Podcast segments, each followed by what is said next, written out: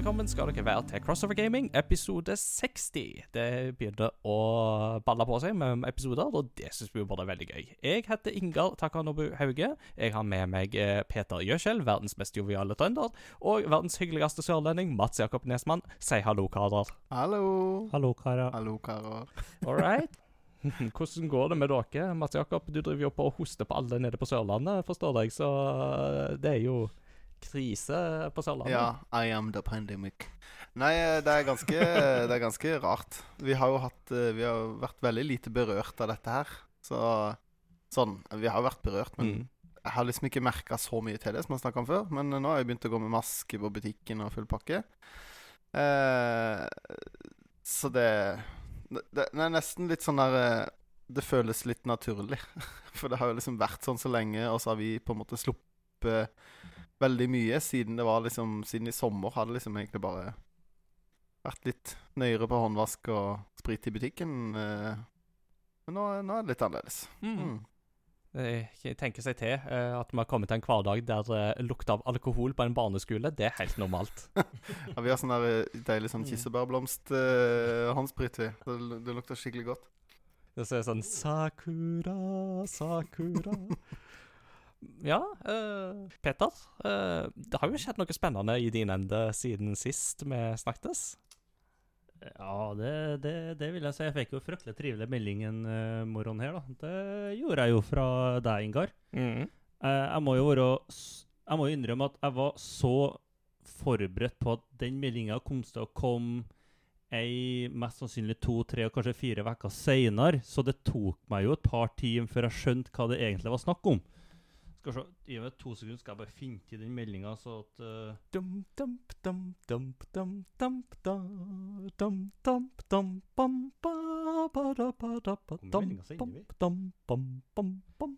Skal vi se. Se her, ja. Jeg våkner da eh, om morgenen eh, og får melding eh, klokka litt over eh, åtte midt i min ferie.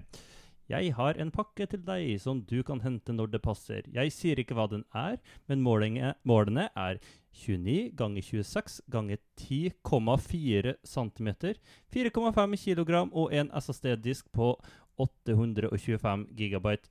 Prikk, prikk, prikk. Og jeg tenker bare oh, det er spennende. Hm, lurer på hva det er for noe. Og så tar det ja, en time eller noe sånt. Og så Nei, det er ikke det. Det tar to timer, ser jeg. Og så er jeg midt i samtale med min forlovede, og så plutselig så stopper jeg helt opp og svarer Var fryktelig spesifikt den meldinga, da. og så begynner jeg å se, og så bare Du, Annika, vent, jeg må søke litt. så var det inn PlayStation 5, mål, størrelse, vekt, alt sammen som jeg kunne komme på, og så bare Du, Annika, du har ikke lyst til å gå tur, da? Det, så da var det en uh, strøken, vakker uh, PlayStation 5 som eh, sto og venta på meg her. Eh, og det var jo litt festlig og når jeg kom tilbake med en til leiligheta, fordi jeg bor med to karer. To finske karer, eh, og jeg er forlovet med Annika. Ingen av dem er interessert i gaming. Mm. Men uh, de var tett samla rundt den uh, boksen når den skulle pakkes ut. Det å se uh, verdens mest sjeldne gjenstand, det ville ikke ikke engang dem går glipp av. Um, Deilig. og altså bare for mm, så, Men bare for å se hvor hardt jeg drømmer om at uh, madammen skal begynne å game Jeg var ikke den første som gama på min PlayStation 5. Det var faktisk Annika. Det må, jeg- bare få fram. Jeg, jeg, det var et stort steg for meg å gi hun den, men jeg, føl, jeg, jeg følte at det, det, den skulle hun få, og det beit hun seg merke i. da. Hun bare 'Du vet at jeg er den første som får spille nå?' Jeg bare Ja, jeg er veldig klar over det, kjære. Jeg er glad i deg. That is what true love is. Gamer love. Så det Åh. Yeah. Så da jeg, Nå snart kan jeg endelig få gå tilbake et, noen episoder og få hørt på Last of Us-podden eh, som dere hadde her med Kjaus, var det? Yes. Yes. Kaus og Eirik fra Game Rector. Mm, stemmer. Um, så nå er det full spiker på uh, Last of Us. Jeg klokka var nesten 20 timer i helga. Uh, så det går framover. Men eh, når du er Altså, jeg må jo gå i over alt, vet du, så det tar jo 43 kvarter å komme gjennom hver en bane. Så det, nei, det er, det er stort. Kult. Månedene Måneden starta med PlayStation og slutter med bryllup. Så det er jo en fin måned. Mm, absolutt. Det, det, det skal jo sies da at um, det, det, må jo sies da, Jeg syns jo det er litt sånn fint at det, var forloven din som tross alt fikk lov å spille på den først, for det er jo en bryllupsgave til dere, dette her. Det, Eh, og det må vi faktisk også få fram. For når jeg kommer hit og henter den, eh, så har jo eh, herr og fru Hauge på Haugen, Fjellhaugen, bestemt seg for å eh, ikke én, ikke to, men å betale 3000 kroner. Altså halve PlayStation som bryllupsgave, og det er jo bare helt sykt. Det er ikke ofte jeg er målløs, men der var, det var et av de øyeblikkene. Det, ja. Deilig. Så det, det til, til og med Annika syntes det var stort. Ja. Det, er, det er sånn motsatt scalping som vi holder på med Mm. her i Crossover Gaming. Ja. Så det Ja. Nei, jeg blir fortsatt litt sånn paff når jeg tenker på det. Det, det må jeg si. Uh, Mats Jakob, du er den av oss som har minst hår. Hva blir det motsatte av scalping? Blir det tupering? Ja, kanskje. jeg sitter bare og har litt sånn der eh, paff over at uh, på et tidspunkt så har du hatt én Xbox Series X og to PlayStation 5 i din leilighet på Fjellhaug, Ingar. -hmm. Det kan ikke ha vært Ja. mange av de i Oslo ut, uten at du er en scalper. Nei, det, det, det, det, det håper jeg at jeg kan ha på meg. At uh, Hvis jeg får rykte på meg nå for å scalpe, da er det et eller annet som har gått galt, altså. Jeg, skal gå, jeg skal gå der i forsvar, i hvert fall. Det er helt sikkert. Ja, det er bra. Ja, ikke så mye spennende i min ende. Det er jo litt hjemmekontor og litt uh, eksamener og sånt, så det går liksom i det samme gamle. Så jeg tenker at uh, kanskje vi bare skal gå i gang med det som er spennende, nemlig videogames.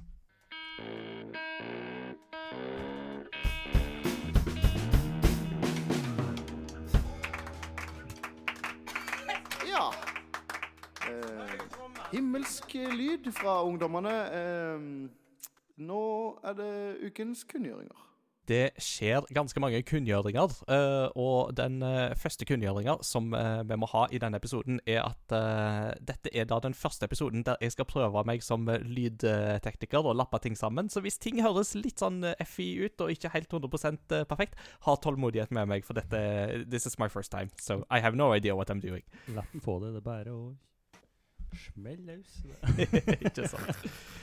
Nei, uh, vi må jo begynne med kanskje av mest, eh, et par av de mest interessante tingene. Det er jo at um, Vampire Bloodlines uh, Nei, Vampire The Masquerade Bloodlines 2 er utsatt til 2022. Ikke bare det, men eh, utgiverne i Paradox de har uh, kasta de som egentlig skulle utvikle spillet, på dør, og sagt at uh, nei, vi skal finne noen andre som skal jobbe med dette spillet.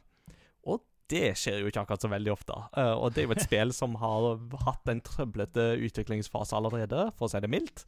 Mm. Så det blir jo spennende å se. Det, jeg tenkte jo litt på Metroid Prime 4, var jo litt i samme bås, men det var jo ikke like dramatisk.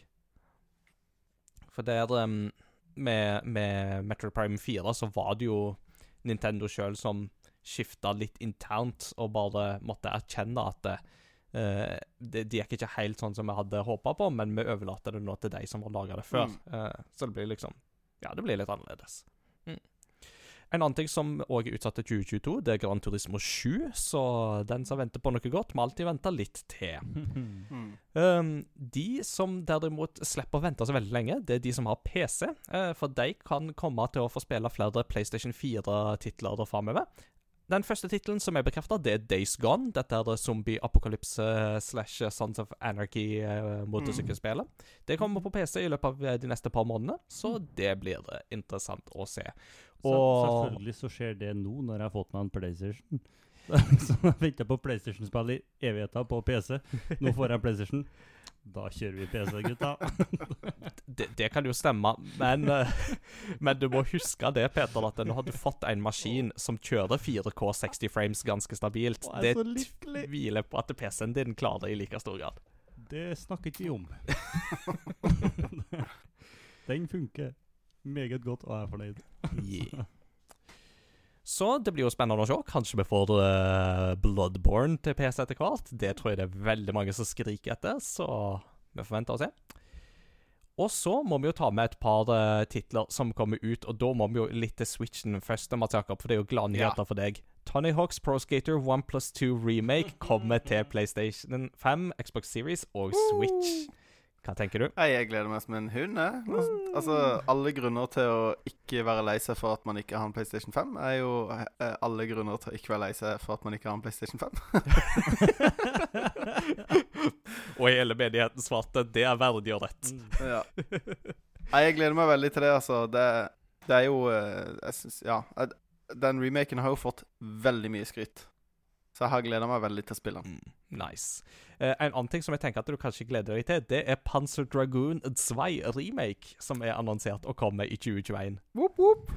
Her kommer de på løpende bånd. Vi som Ja. venter på Sega Saturn-spill eh, som skal komme, det, Ja. Du venter på PlayStation 5 4-spill, jeg venter på Sega Saturn-spill. Og du har venta lenger, for å si det sånn. Ja. Um, skal vi se litt videre, så er det jo en uh, Snakk om uh, folk som har venta lenge på ting. Så har jo folk venta lenge på en Diablo 2 uh, remaster. Og det kommer. Diablo 2 Resurrected kommer i løpet av 2021. Uh, blant annet da utvikla med hjelp av Vicarious Visions, de som har laga Tony Hawks Pro Skater 1 pluss 2 tidligere, og Crash Bandicoot-remaken. De ble jo absorbert litt opp av andre Activision Blizzard-studioer. Og ryktene sa jo da at eh, de skal sikkert inn i Diablo 2 remaster, og det stemmer. Um, Mm. De har lært av eh, Warcraft 3-fadesen, så det er ikke sånn at de kommer til å skrive over den gamle koden til, Warcraft, altså til Diablo 2. Hvis du vil spille old school, så får du lov til det, og det er jo veldig greit. Lurt. Um, så må vi kikke litt på um, en um, State of Play som var for uh, PlayStation uh, for en knapp uke siden. Uh, der de viste litt av ting som kommer til våren. Uh, det meste av det har vi sett før. Kina Bridge of Spirits har vi jo sett før. Uh, Returnal har vi jo sett før. Uh, men dette var da spill som vi fikk se litt mer av. Uh, den store nyheten der var uh, derimot Final Fantasy 7 Remake Integrate, som da er da PlayStation 5-oppgraderingen av Final Fantasy 7 Remake, som kommer i juni. Eh, og de som eier spillet på PlayStation 4 fra før, får den oppdateringa gratis. Pluss at eh, de da annonserte en eh, sånn DLC-episode. Navnet er ukjent, men der vi da skal få spille som Yufi fra Final Fantasy 7. Og det er litt gøy, for hun dukker ikke opp i Midgard i originalspillet, så eh, det kan bli litt artig å se. Speaking of Final Fantasy 7 Remake er nå gratis på PlayStation Plus denne måneden. Men en interessant ting er at den utgaven får du da ikke oppgradere til PlayStation 5-utgave i juni, så det svir litt. Men eh, hei, du kan fortsatt spille det i PlayStation 4-variant, så kjør på. Mm. Og så eh, en eh, siste eh, lille sak som kan være gøy å nevne, er at Epic Games er på innkjøpsfronten og har kjøpt Mediatronic, skaperne av Fall Guys. Et spill som jo kommer på Switch og Xbox i løpet av sommeren. Så ja. Eh, Mm. det spillet skal fortsatt være tilgjengelig på andre plattformer. Mm. Og det er god stemning. Mm, Fall Guys er veldig god stemning. Pur god stemning fra mm. en ende til en annen. Det er noe, Mats Jakob, som jeg tror du og kidsa dine hadde syntes hadde vært veldig gøy å spille. Jeg tror det. Det er litt sånn god måte å slipe litt sånn gamer rage på, og bare la de tape masse i et spill, som er veldig gøy. Mye raging- Mye raging ute og går. Mm. Absolutt.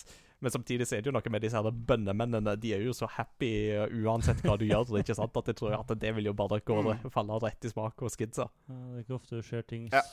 datt smilende i døden, liksom. De er sikkert de er like blide. Mm.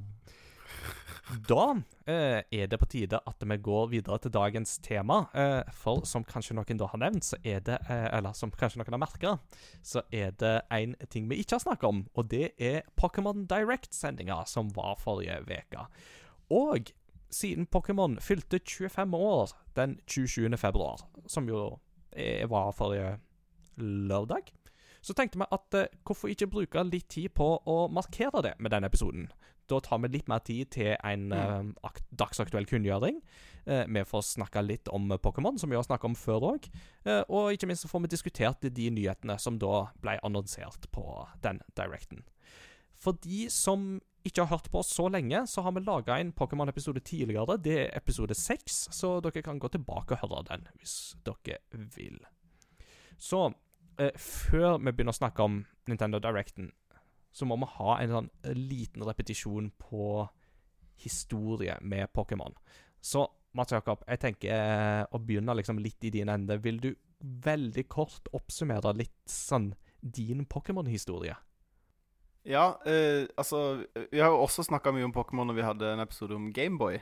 Ja. Eh, da snakka vi jo også mye om Pokémon. Eh, men eh, nei, eh, første gang jeg ble uteksponert for Pokémon, var eh, i skolegården, hvor det satt en fyr og spilte et spill jeg ikke skjønte en skvett av. Skjønte ikke hva han holdt på med. Jeg skjønte ikke hva de her pikselerte eh, dyrene var for noe. Jeg skjønte ikke hva altså, Det så altså så kjedelig ut. Det var det første jeg tenkte. Jeg skjønte ingenting. Hvorfor spiller du dette? Det er mye gøyere med Super Mario. Og så etter det så skjønte Så jeg hadde jo ikke hørt om Pokémon. Det var det første jeg var ble Første gang jeg opp, ble liksom hørte navnet. Og så var det jo liksom Pokémon-kort og anime, og så eh, skjønte jeg jo at jeg hadde lyst på det spillet. Jeg skjønte litt mer av hva det dreide seg om. Eh, og så ønska jeg meg det veldig lenge. Og så fikk jeg det til bursdagen et år. Jeg husker ikke hvor gammel. Jeg tror kanskje jeg gikk i femte eller sjette klasse. Eh, og dette har jeg jo fortalt før, om at eh, jeg fikk en gul Gameboy Color med Pokémon Blå på bursdagen min i juni. Midten av juni, rett før sommerferien. Og når jeg åpner gaven, så sier mamma så stolt at jeg er så fornøyd. Jeg fikk han jo, på, uh, fikk han jo kjempebillig på januarsalg. Og det første jeg tenker da, er bare Har denne vært i huset vårt i et halvt år uten at jeg har kunnet bruke den? Det var den store frustrasjonen. Så det, det er sånn minne som kommer med en gang. Vil jeg snakke om liksom ah, Pokémon. Åssen var det du Ja, det var Det var vanskelig å forstå for min lille uh, tweens-hjerne. Uh, men etter det så har jeg spilt alle Så spilte jeg blå, jeg spilte sølv, og jeg spilte uh, Sapphire. Så de første tre, tre generasjoner var jeg ganske på. Og så kjøpte jeg meg aldri DS. Så jeg Det spilte ikke noe spill. Ja, eh, da, akkurat da var liksom Da var interessen litt av, og så var det liksom We for alle pengene. Jeg syns det var det gøyeste. Mm. Eh, det var liksom We og We Sports og vise fram hvor gøy det var og sånn. Eh, jeg var mer interessert i det, så DS-en liksom aldri appellerte så veldig til meg. Eh, men så kjøpte jeg meg en 3DS eh, når Majora's Mask-remaken kom ut. Yeah. Da kjøpte jeg meg en 3DS. Eh, og så kjøpte jeg meg Sun Nei, Moon når det kom. Ja. Eh, og syntes at det var eh, eh, ikke så veldig gøy. Jeg kom eh, Jeg tror aldri jeg kommer forbi liksom åpningsdelen, for den er så lang. Og de leier og leier og leier og leier og leier. Eh, Du blir eh, fulgt rundt i byen, og dette er et Pokémon-senter, og Så det var det, veldig Den var altfor lang, så jeg kom meg ikke forbi. Det var litt sånn Ja, men jeg kan jo alt dette her. Og jeg er voksen nok til at jeg skjønner Jeg klarer å finne ut av det. eh, så jeg ga litt opp på, eh, på, på Moon. Men eh, skikkelig Gnisten kom skikkelig tilbake med Sword and Shield. da Jeg syns det var veldig, veldig bra spill. Mm. Og vi kåra jo det til og med til årets spill i 2019. Det er riktig. Det var Crossover Ja. Gamings uh, kollektive Game of the Year. Så det, det står jeg inne for i dag. Det er veldig bra. Jeg eh, testa jo Så ikke det- Pokémon eh, Sword før eh, i starten av 2020, så det var jo litt sånn å skyte på hofta for min del, men eh, jeg syns det var et veldig godt valg. Eh, absolutt. Ja. Mm. Eh, Peter, eh, din Pokémon-historie har vi jo ikke hørt så mye om tidligere. Eh, så det er vel kanskje din som er på en måte den som er ferskest for lytterne våre. Eh, ja, det stemmer jo. Nå Jeg føler ikke at de to siste episodene setter meg i et fryktelig godt lys.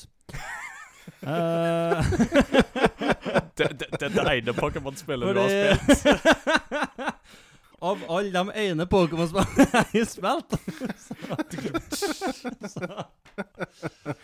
Jeg, Altså, Forrige gangen så var det Zelda, og da snakka jeg om at jeg fikk jo aldri noen Nintendo. Mm. Eh, noe Altså verken Om det var Ja, ingenting av Nintendo. Eh, jeg hadde nå et søskenbarn som eh, hadde en eh, Nintendo eh, 64, var det? Og så hadde et annet søskenbarn som hadde en Gameboy. Men det var de søskenbarna som bodde langt unna. Ja. Så du treffer jo ikke dem så ofte, og når du treffer dem, så Altså, den kan spille hele tida. Så når vi var på besøk, så ville de leke, jeg ville game. Uh, så da snakka vi om det, og så leka vi. Uh, så da Så jeg har sett på Jeg har sett på en del timer. Det har jeg. Uh, hvilke, det husker jeg ikke på. Uh, men jeg har sett nok på at når jeg hører Om jeg hører den ga gode, gamle, så får jeg litt av den nostalgiske Jeg blir i godt humør, og det er sånn Åh, det her, det her er, det er bra, liksom.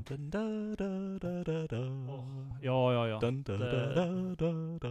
Det er jo fenomenalt. Eh, men så eh, Som Selda så var det jo Nintendo Switch som kom meg til utsetning nok en gang. Så da lånte jeg jo eh, nok et spill av deg, Ingar. Jo, takk. Det andre folk eh, kjøper, jeg leier. Hei, Ingar. kom, Kom og kjøp dere som ikke har penger, står det i Jesaja. Så Ja. det er det vi praktiserer her i gården. Jeps. Mm. Har du begynt å dele ut lånekort, Ingar? Til, til biblioteket ditt? Eh, ikke, ikke helt lånekort, men jeg skriver ned alle som låner, låner ting. Uh, sånn at uh, Ja. hvis de etter et års tid, eller eh, etter innskapelig tid, ikke har levert det, så vet jeg hvor jeg skal gå for å finne det igjen, da. Så Jeg tror lista Ja, er mi er litt lang. Det, ja, du begynner å få ei liste nå, så ja, Så det, ting er på vei tilbake. ja, vi, har- vi kan snakkes i pausen Ja, om hva du skylder. så, men eh, da var det i hvert fall um, Pokémon Let's Go Eevee. Ja. Som var det spillet Mm. jeg fikk testa. Eh, og uh, koste meg fryktelig med det. Inkl og da var det inkludert denne pokerballen, da. Mm. Som du fikk uh, kast. Eh, så det var jo eh, veldig stas. Eh, og hele kollektivet falt jo litt pladask for det spillet, da. Uh, ikke dem jeg bor med nå, men de forrige jeg bodde med, dem gama. Så yeah. dem uh, Der var vel de fleste eh, og eh, spilte en del. Kult. Så det er alle ene spillet jeg har spilt, ja. Mm, yep. Mm, flott. Supert. Takk for meg. Sweet. Nei, altså, min Pokémon-historie er jo litt sånn gøy, fordi at uh, Pokémon ble jo introdusert i 96 i Japan, Uh, og det var det året vi flytta fra Japan til Norge. Så jeg fikk med meg liksom de første TV-reklamene for Pokémon før vi dro, og så var Pokémon et veldig sånn perifert en perifer greie for meg. Men da Pokémon begynte å gjøre sitt inntog i Norge, eh, da var jeg på ballen ganske tidlig, for da hadde vi fått tilsendt blant annet en eh, eh, altså Da hadde vi blant annet fått tilsendt den første filmen på japansk på VHS. eh, så den kunne liksom Mm. gå liksom litt sånn, og så kunne jeg sitte og oversette hva det var de sa, og sånt, og folk var sånn 'Å, det er så spennende!' Og så og det liksom eh. så, jeg, så jeg måtte sitte og dubbe sånn enmanns, sånn som de gjør i Polen og Tsjekkia og sånne plasser. Så bare i stedet for sånn der «Strovinskij forutsknø», så satt jeg sånn Ja, vi, vi må gå dit. Vi må dra til den øya. Hadde sikkert Nice. blitt en kjempebra stemmeskuespiller. ja, hører det. Um, og så var det jo første spillet Altså første som jeg eide, var Pokémon Yellow. Um, og så gikk jeg etter hvert videre til Silver. Jeg spilte Pokémon Stadium hos en nabo. Uh, Pokémon Snap husker jeg veldig godt at vi spilte på sånn demokiosk i leketøysbutikken. Uh, og så kom Mhm. tredje generasjon, Ruby og Sapphire, og da datt jeg av. For da syntes jeg at de begynte å holdt jeg på å si, da, da begynte de veldig å male den kverna litt for mye. Eh, og det skulle jo ta meg fram til Sword and Shield før jeg endelig kom inn igjen, men det var til gjengjeld veldig, veldig gøy-. Eh, og Mm. nå er jeg litt sånn at uh, Nå har jeg liksom kjent at um, Eller det stemmer ikke helt, da. Let's Go Evie var mitt sånn tilbaketog, det òg, men det er jo bare Eller i Mm. hermetegn bare uh, første generasjon på nytt igjen. Så Mm. det var ikke rart at jeg skulle like det.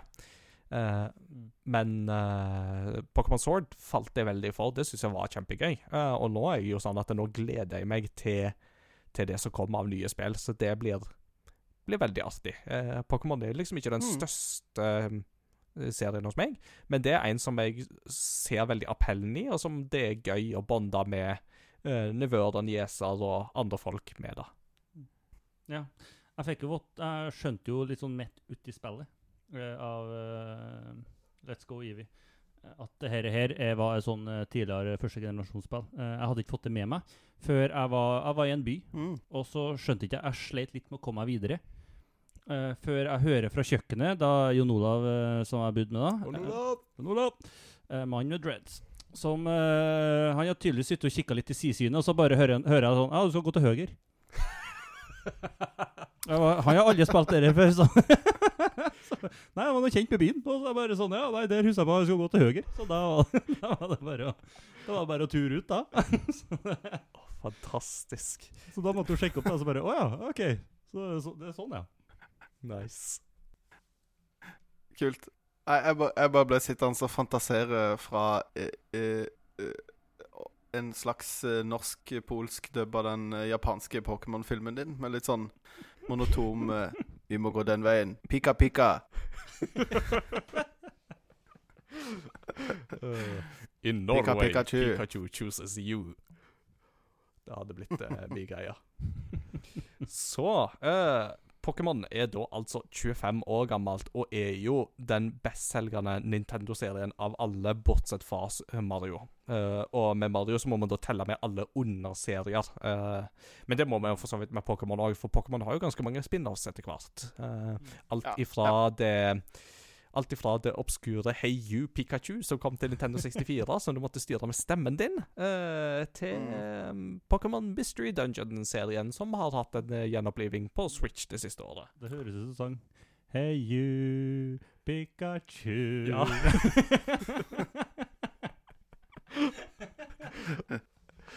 Hvis, hvis det spillet hadde blitt laga i dag, så hadde det sikkert fått en achievement for å synge den sangen. Åh, humoren er like god å lage. Ja da, flott, flott. Da går vi videre. Mm. Oh yeah. nei, men uh, altså, Pokémon fyller da altså 25 år, og i den forbindelse så sitter de ikke på latsida. Uh, det er jo da tre spill som eh, har fått veldig mye fokus på den Pokémon Direct-sendinga. Mm. Um, pluss en del av disse her mobilspillene eh, utenom Pokémon Go. Eh, men jeg tror ikke det er noen av oss som spiller sånn New Café Plus og sånt, så jeg tror vi kan på en måte hoppe over den, den biten der. Mm. Um, men den, Nintendo, nei, den Pokémon Direct-sendinga begynte veldig kult, for de gikk liksom gjennom hele Pokémon-historien med å vise liksom sånn der 1996, eh, Mm. blå og gul, uh, 1999, eh, så kommer gul, 2001, så kommer gold og silver, og så var det masse sånn bam, bam, bam, bam, anime, cards, eh, ja. Mm. Eh, og det var litt gøy liksom å få den presentasjonen, syns jeg. Ja, det, det var mange ting jeg likte med akkurat det der. Men det, det jeg likte, var at det var liksom ikke sånn Det var ikke Det var ikke liksom Det gikk ikke først gjennom spillene, men det var liksom 1996 Pokémon kommer ut. Og da var det liksom spill, anime, film, kort. Eh, neste generasjon. Spill, anime, film, kort. Og dette! Og litt sånn derre der hele veien viser at liksom kortene har vært med hele veien. Og, og vi har også hatt liksom? Pokémon Snap, da kunne du printe ut bildene dine og ha klisterbok og, og liksom alle de rare tingene de har gjort også.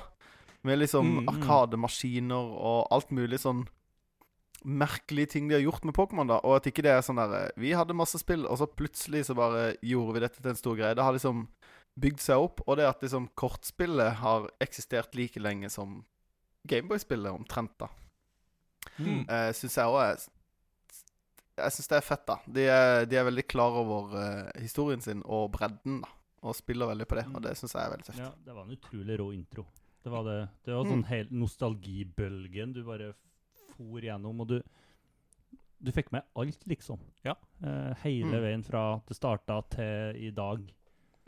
Og det var så det- Det som var så bra med den presentasjonen, var at den var på sånn ca. 20 minutter sammen, men den var så kompakt og liksom rett på sak òg. Og det var Mm.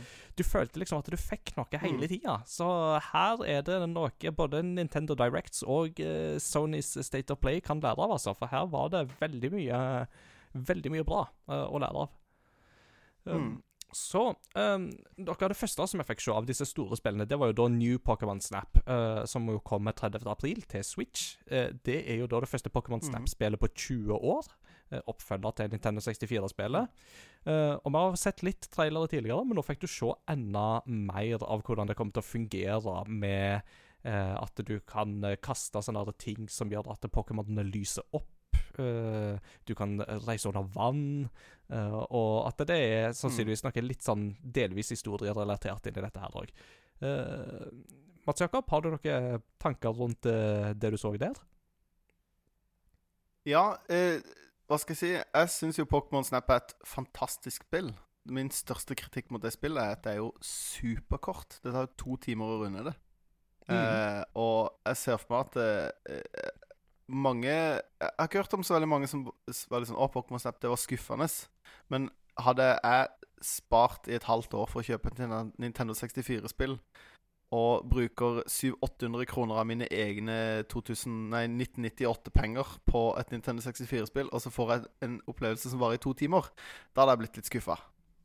Eh, Mm. Sånn at eh, eh, Spillet er veldig gøy, men gjenspillsverdien er heller ikke så veldig stor. Så det er liksom Det er en to timer opplevelse, og så er det over, og så var det gøy. Men Så jeg, jeg regner jo med at det spillet her er litt mer innholdsrikt enn bare to timer og tre baner. Litt sånn som eh, originalen er. Men jeg syns, eh, jeg syns de har på en måte klart å bevare kjernen av det gamle spillet. da Det virker som at det er veldig likt. Mm. Eh, en ting jeg frykter, er jo at du må styre kameraet med, med gyrokontroll. Litt sånn Zombie U-stemning. eh, for det, litt sånn tvungen motion control blir al er alltid omstridt. Mm. Uh, så jeg håper ikke det er tvungen, men at det er et, eh, et valg, da. Ja, jeg vil definitivt tro at det blir eh, Jeg vil definitivt tro at det blir valgfritt. At de inkluderer gyro som en eh, finjusteringsmulighet, men at du fortsatt kan ta liksom grove innstillinger med spaken, da. Så jeg tror Eller at du kan skru av gyroen helt hvis du, hvis du vil det. det. Det tror jeg de legger opp Mm. til, altså. Um, Jeg Altså, må- håper det. mm, og så må vi jo si at det ser veldig pent ut. Det ser veldig Mm. stemningsfullt og pent ut, det spillet. Ja, Mm. Det, det gjorde det absolutt. Eh, og så for min del, som da Jeg har jo sett mye uh, serie. Mm. Det er liksom det næreste jeg kom uh, Pokémon. Det sa jeg ikke engang. Jeg har sett Pokémon-serien. Ja. Det er Første sesongen uh, like godt humør om jeg ser det i dag eller når jeg så det for 20 år siden. Absolutt. Eh, den er fortsatt episk bra. Og det er fortsatt trist å se første filmen, og se Pikachu bli veldig trist og lei seg når Ash blir til stein. Og altså, Mm. de ropene der det Nei, ikke snakk om det. Det er bra stemmeskuespill, da. Det, det, det er bra stemmeskuespill. Det er så sykt Mm. bra. Og nei, jeg blir trist av å snakke på. Så vi må gå videre. Eh, Pokémon Mewtwo versus Mew still makes grown men cry. Men det jeg skal si, at um, det jeg gleder meg veldig til med det spillet, der, er å bli enda bekjent med Pokémon som jeg ikke kjenner så godt fra før av. Mm. Eh, for det virker som et, mye, veldig sånn slow-paced spill. Hvor du reiser Mm. rundt omkring, du leter etter Pokémon, du tar bilder. eh, og prøver å få så bra bilder som mulig. Eh, så det er en utrolig fin mulighet for oss som ikke har vokst opp med Pokémon på samme måte, og få tatt igjen en Mm. del Pokémon som eh, vi ikke kjenner så godt. da. Mm. Alle kjenner jo Pikachu og den gjengen der, liksom. Men da, det, det er en del store hull der, der, for min del i hvert fall. Ja, Mats Jakob. Mm. en annen ting som jeg plukka opp fra den traileren, er at det virker som om eh, Altså I originalen så kan det virke litt sånn tilfeldig hvilke bilder som er eh, gir høy poengsum, da. Når du leverer de, når de sier 'Å, dette var et bra bilde'. Det er, det er, liksom, det er ikke nødvendigvis snakk om eh, eh, snitt eller sentrering Altså Litt sånn man tenker om fotografi. da Det er litt sånn tilfeldig. Og her virker det som at de har lagt opp et system som er litt mer eh, At det er litt mer sånn tydelig definert hva som er et godt bilde, da. Ehm, litt ut ifra at det bildet er basert på hendelser. At det er liksom eh, eh, situasjonsbilder de er ute etter, da. Og ikke bare et bilde av, fra en viss vinkel, men de viste et bilde av en venushøyr som hopper ut i vannet, og da var det liksom Det var et firestjerners bilde da, når du fikk en litt sånn spesiell hendelse på video. Mm. Eller på tape, hva heter det nå? På rull? Kamera? Bilde? Bilde. Gra Nå heter det bare, nå heter det, nå heter det bare SD-kort, tror jeg. Ja. To-tre megabyte. Um, nei, det, det syns jeg virker veldig bra. Eller det virker lovende, da. For det er noen sånn Noen kritikker mot det spillet. men det virker som de klarer å Mm. plukke opp de, da. En ting som jeg tenkte på i den forbindelse, var i originale Pokémon Snap, så var det jo litt sånn at det, det Professor Oak egentlig brydde seg om, det var at du var nært nok Pokémonen, og at uh, Pokémonen var sånn omtrentlig i midten av bildet. Um, og så fikk du Mm. bonuspoeng hvis en gjorde et eller annet spesielt, men uh, det er liksom hoved... uh, Hovedkriteriet for Professor Oak var Er Pokémon midten av bildet. Ja, OK, flott, wonderful, sier han da. Og så får du poenget, og så Ja. går vi videre. så ja, så, så, så det blir, blir, interessant å se om vi får et litt bedre system nå. Um, Mm. En ting som jeg kom til å tenke på òg, var at uh, det som hadde vært veldig gøy i New Pokémon Snap, er hvis han Todd Snap fra originale Pokémon Snap hadde hatt en gjesterolle i det nye spillet. Mm. Det hadde vært veldig gøy. Det, det, det som jeg syns er eh, Og jeg tror for mange For Pokémon Snap er jo i praksis en on rails shooter. Som er en Mm. serie man forbinder veldig med høyt tempo og mye knappetrykk, og at det liksom holder på Dette er jo en slags krysning mellom en on rails shooter og en walking simulator. Eh, det er jo et veldig sånn zen-spill, og det syns jeg på en måte omgivelsene de viser eh, også understreker, da. Og jeg ble, jeg ble skikkelig gira når, de viste at du kan eh, ta turer på natta. Eh, det kan du jo til sett og vis siden forrige år, men det var så sykt stemningsfullt. Og um, det at du får det her skillet med natt og At det er jo mye flere liksom nattdyr. Altså jo større Altså når originalen kom ut, så var det jo ikke så mange Pokémon å ta. Det var et par hundre. Mens nå er det jo Det er vel over 1000 nå, eller 800-900? Jeg Eh. I originale mm, mm, Altså i det originale Pokémon Snap så var det jo første generasjon, så da var det 151 Pokémon. Ja. Eh, Mew var jo med. Ja, jeg var ikke flere. Eh, I Nå Ja. så har du vel 898 Pokémon eh, totalt i hele Pokédexen, hvis jeg husker sånn omtrentlig Ikke riktig. Og jeg tviler på at absolutt alle de kommer til å være med, men eh, det kommer iallfall til å være et ganske bredt utvalg. Men poeng, det, det jeg ville fram til, var at de har et større utvalg av nattdyr å ta, frem, ta fra. Mm. Eh, sånn at du får en på en måte eh, Det at det er på natta, har noe for seg. da Det er ikke bare Pokémon som er trøtte. Mm. Litt sånn som det opplevde, opplevdes i originalen. da. Men nå syns jeg å huske at det er noe på kvelden eller natta, men jeg kan godt hende jeg bare Ja, har altså, fantasert. da. Dag- og natt-syklus kom jo i Pokémon Gold og Silver. Eh, det var jo der det ble introdusert. Så med første generasjon så var ikke det like aktuelt ennå. Men eh, det har jo vært aktuelt i alle Pokémon-spill siden, så det gir veldig mening at det får Mm. noe å si nå. Jeg Ja. synes det er litt skuffende at alle Pokémon ikke er med når at mottoet deres er 'You gotta catch them all'. Bare sånn off top of my head. Ja, men det var jo et issue med Pokémon Sword og Shield òg, det, så Ja. Jeg drev og diskuterte med en eh, Ja. elev i dag som bare Ja, gikk gjennom litt sånn Pokémon-spill, for han var Ja, han, han, han var nerd på det området der. Eh, En positiv term. Uh, og da var liksom Ja, når mottoet vårt er 'gotta catch them all', og så har du ikke muligheten engang, så er det sånn Det er et bra spill, men sånn uh, du, du føler at du mangler noe, da. Men jeg syns Mm. jo spillet så, Det ser jo fint ut, da. Mm. Det er jo vakkert. yeah. Det må man få fram. mm. Mm. Yes. Um, All right. Uh, da tror jeg vi har sagt det som er å si om uh, New Pokémon Snap. Kommer 30. april på Switch. Mm. Um, så annonserte de eh, to remakes som eh, fan har vel lengta lenge etter og venta på. Eh, og som var teasa litt eh, på forhånd. Og de ryktene stemte. Det er da Pokémon Diamond og Pokémon Pearl får da nye versjoner på Switch. Eh, Brilliant Diamond og Shining Pearl, tror jeg de heter. Kan hende jeg stokker om Mm. på navnet der. Kommer vel i høst 2021, hvis jeg ikke husker feil.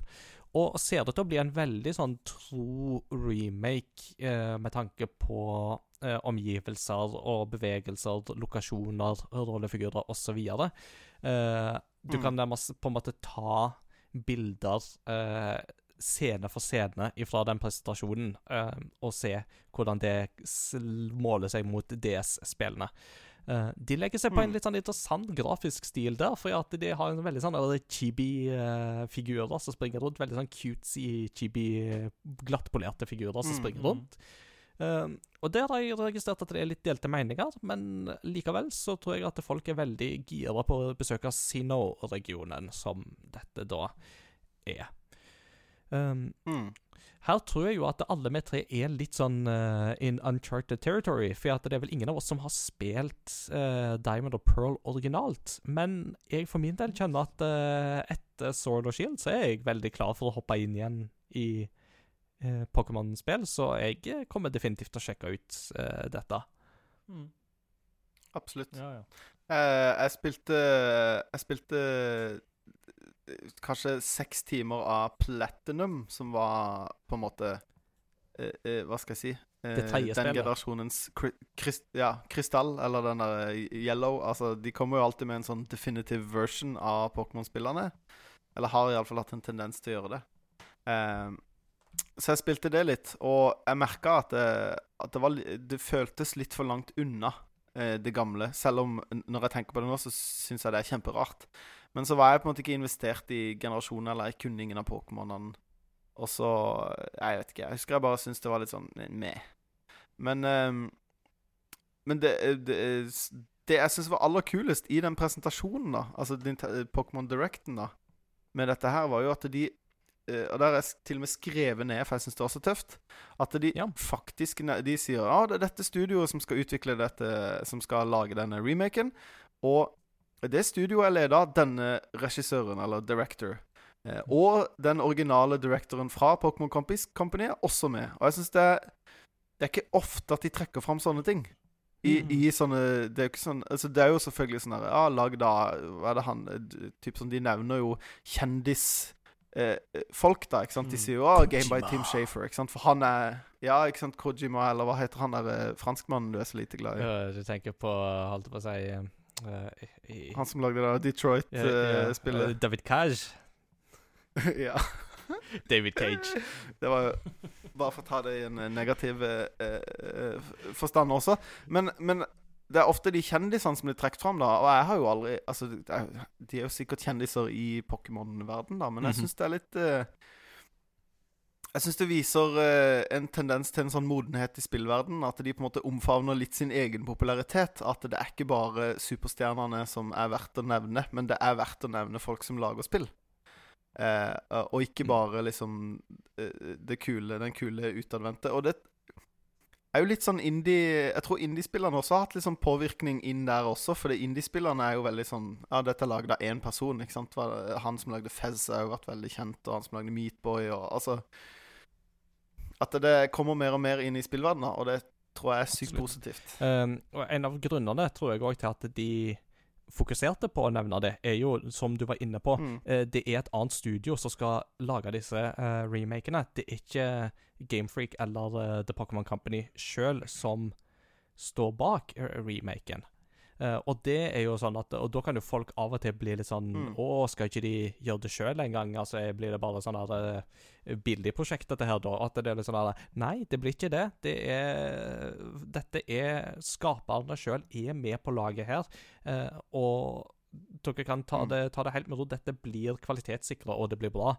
Uh, det er bare det at de, mm, The Pokémon Company skal fokusere på andre prosjekt. Eh, blant annet og kanskje det tredje spillet som eh, ble, eh, fikk stor oppmerksomhet.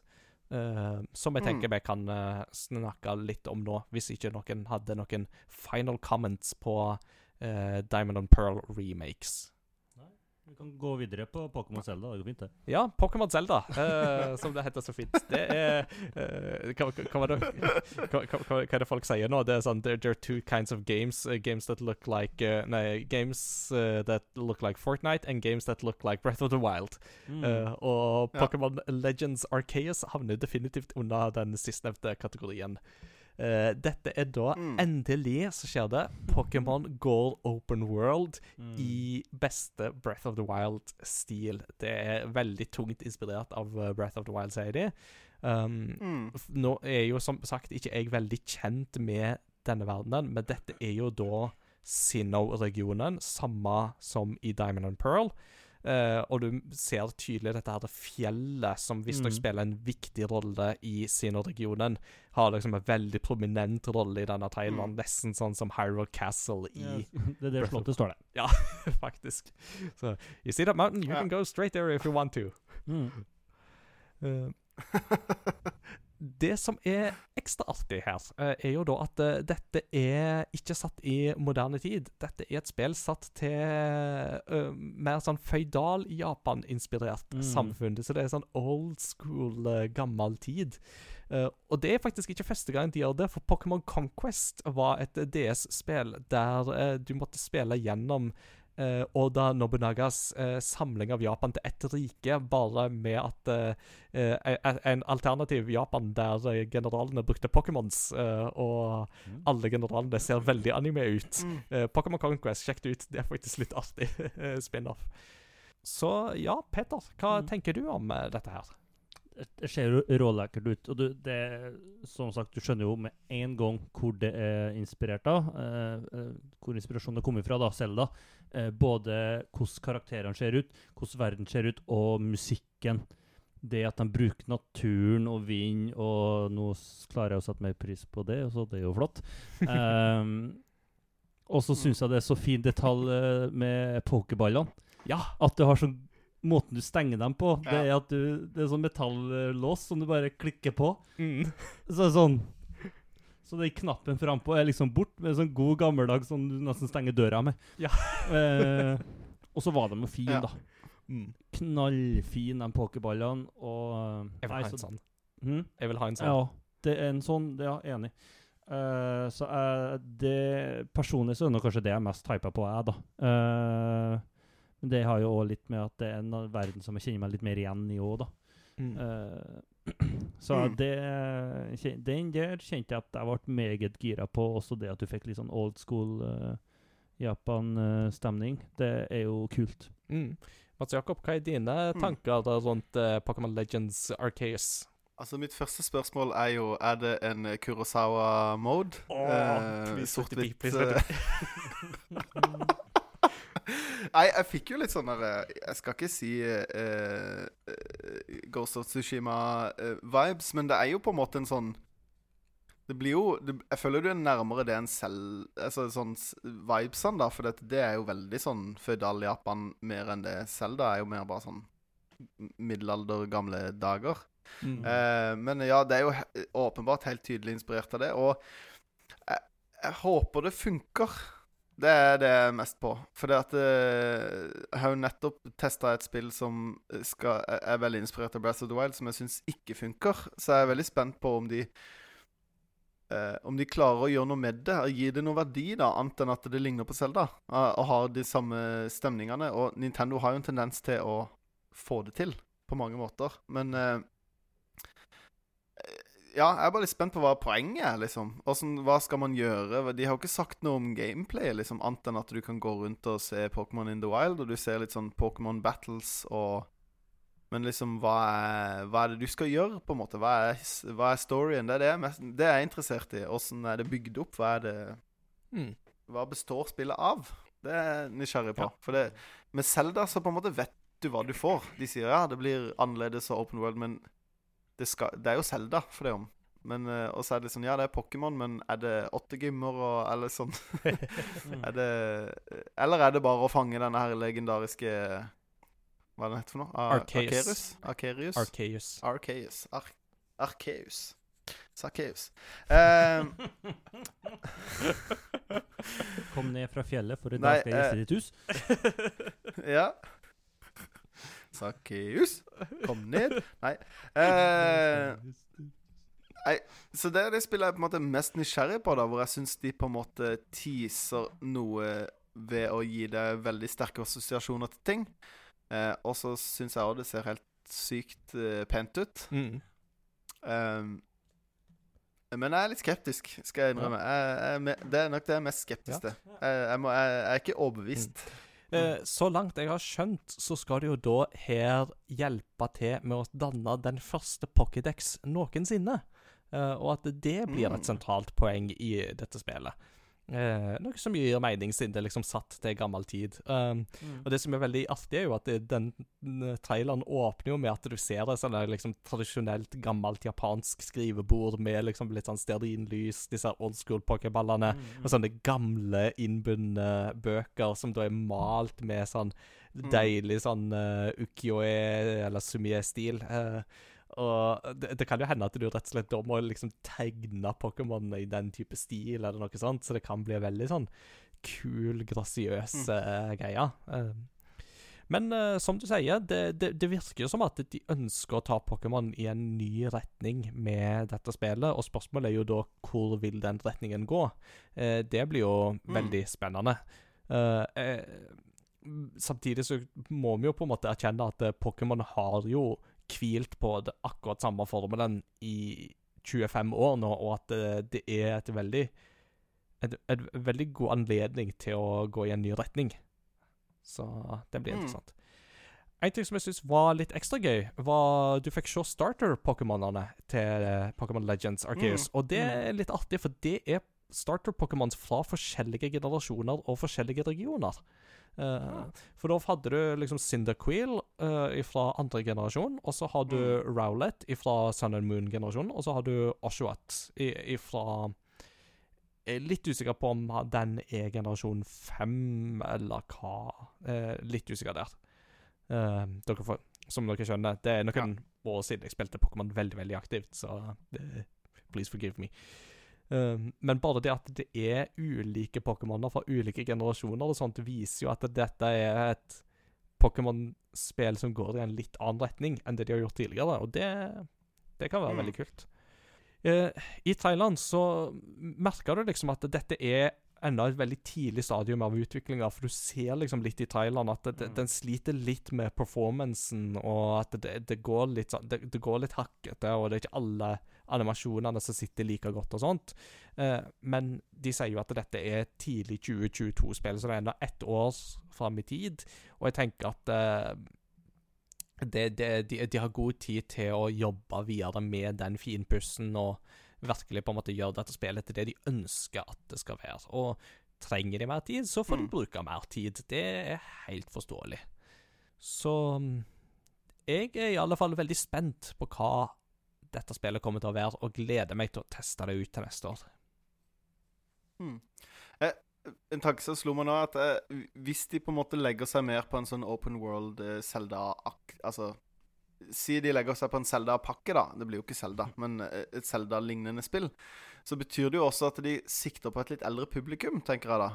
Eh, og da er det litt interessant hva de kan gjøre med, med tematikk. For det at det, en tematikk de har berørt veldig lite, da, og som er veldig i vinden, er jo dyrevelferd og, og dyrevern. og eh, Det hadde vært interessant om de gikk i en litt mer sånn voksen retning, da, eller iallfall en mer ungdomslig retning. At det var kanskje et spill som hadde en tolv års aldersgrense, eller mm. kanskje ikke høyere, men liksom At det på en måte eh, Ikke mer vold, men mer liksom seriøse temaer, da. Litt sånn som filmene har gjort på mange måter. Mm.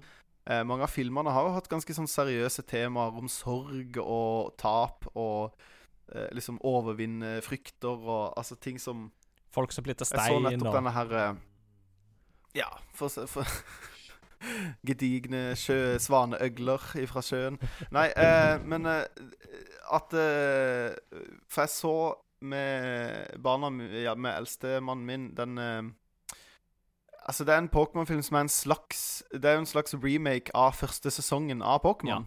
Har dere sett den? Den heter I Choose You, tror jeg. Ja, det stemmer. Hvor, du, hvor de skal finne Ho-Oh og de møter, og det er blanda inn litt Pokémon fra senere generasjoner. Og, men det er mange elementer fra første uh, sesongen av animen. Og den filmen er, eh, er ganske sånn seriøs på et tidspunkt, og ganske alvorlig. Tar opp noen liksom store tematikker og er ganske sånn Iallfall bø, ganske bøs i uttrykket for en femåring, da.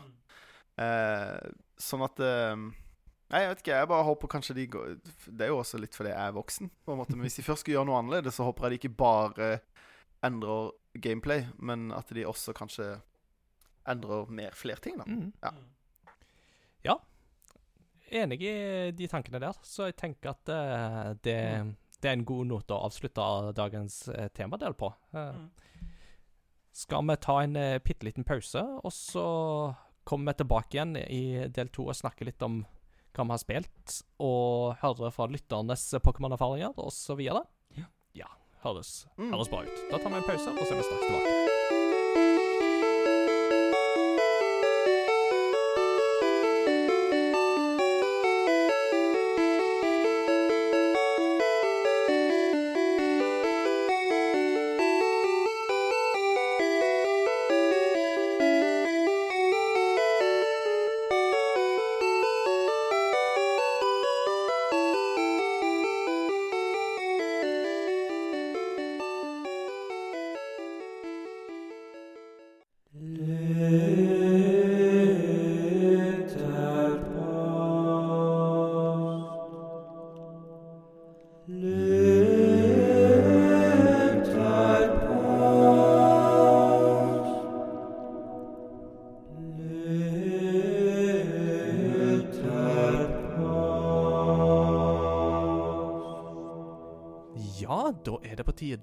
Høre fra lytterne våre, sånn som vi pleier å gjøre i Lytterpost. Hvis du har lyst til å svare på lytterpostene våre, så kan du gjøre det enten i vår Discord-server, eller du kan gjøre det på vår Facebook-side.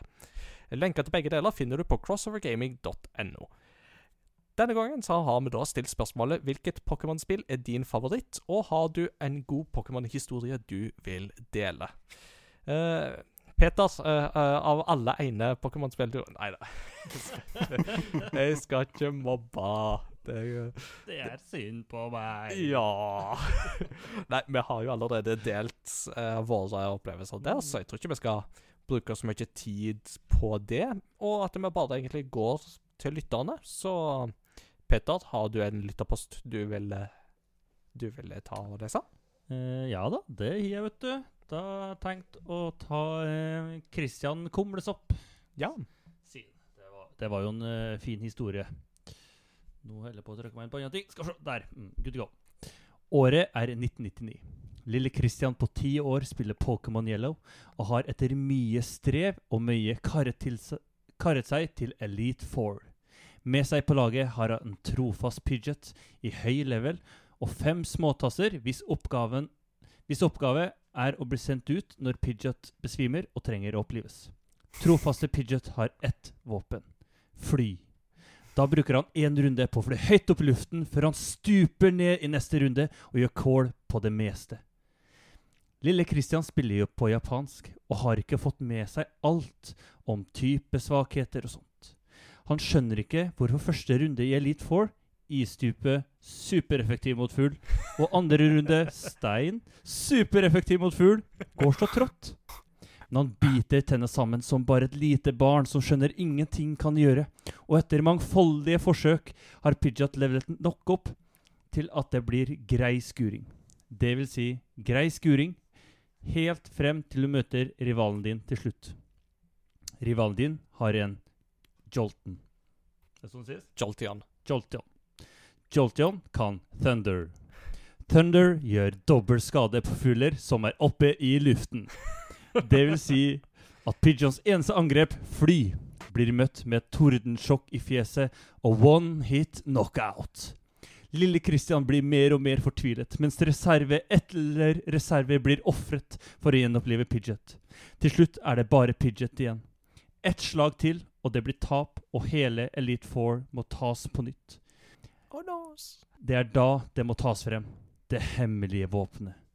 Som er for grusomt til at vi i hele tatt kan tenke på å bruke det, bruke det før. Double edge. Et sterkt angrep, men som Pidget tar skade selv av å bruke. Grøss. Double edge slår ut Joltion på ett slag. Elite Four er overvunnet. Dette var imidlertid en så traumatisk opplevelse, opplevelse at lille Christian slettet hele lagfilen sin uten å nøle, bare for å slippe å gjøre det om igjen.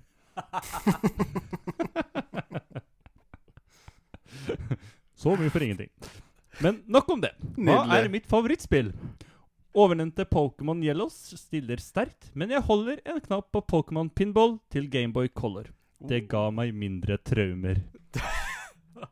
Jeg syns det var så herlig svar, den historien. Bare sånn åh, du, du kjente følelser og frustrasjon, og når du, du ser hele seeren bare glepp foran øynene på deg, og så bare kjører du sånn desperat forsøk, og så setter du det som seierherre etterpå. Så traumatisk at du tør ikke å gå videre, eller ja Han klarer ikke å gå videre. På sånn. Nope, nope, nope. Da kan du gjøre Åh. nope, nope, nope. Jeg syns denne den her eh, historien, Kristian, var fenomenal. Magisk. Mm. Eh, han nevnte jo Pokémon Pinball på Gameboy Color. Er det noe du har spilt, uh, Mats Jakob? Faktisk ikke. Det, det har jeg faktisk aldri testa. Det er mange gode pinballspill på, på Gameboy Gameboy Color, altså. Som uh, Det er noen der som utmerker seg. Kirby's Pinball det er et som jeg eh, har gode erfaringer med, og som Mm. var veldig gøy. Så Pokémon Pinball kunne jeg gjerne tenkt meg å prøve, altså. Mm. Hei. Yeah. Mm. Eh, jeg kan ta neste, ei da. Fra Facebooken vår så har da David Pletten Aasgard skrevet en fantastisk historie. Han skriver første Pokémon-opplevelse på Gameboy kom fra Silver, men tror favoritten er Fire, Le Fire Red og Leaf Green. Remake av originalen er uten tvil det som ga meg mest glede. En god historie må være eh, en gang på uteskole i sjette klasse, der en kompis av meg og jeg fant en plass dypt inne i skogen og startet på New Game. Noen timer senere innså vi at skoledagen var over, og vi var alene igjen i skogen. men, men, men det beste her er jo da at David har fått et svar fra Vibeke Pletten Aasgaard, som jeg lurer på om å være hans mor. For hun skriver hm, det har du aldri fortalt din mor. Dessuten skulle vel ikke Gameboyen være med på skolen?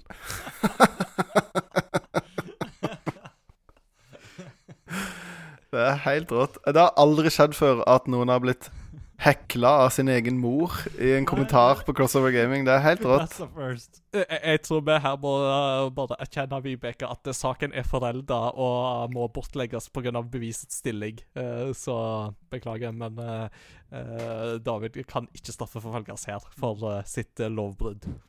Og det er for å Mm. hindre at mødre finner ut av sånt, at vi har discord.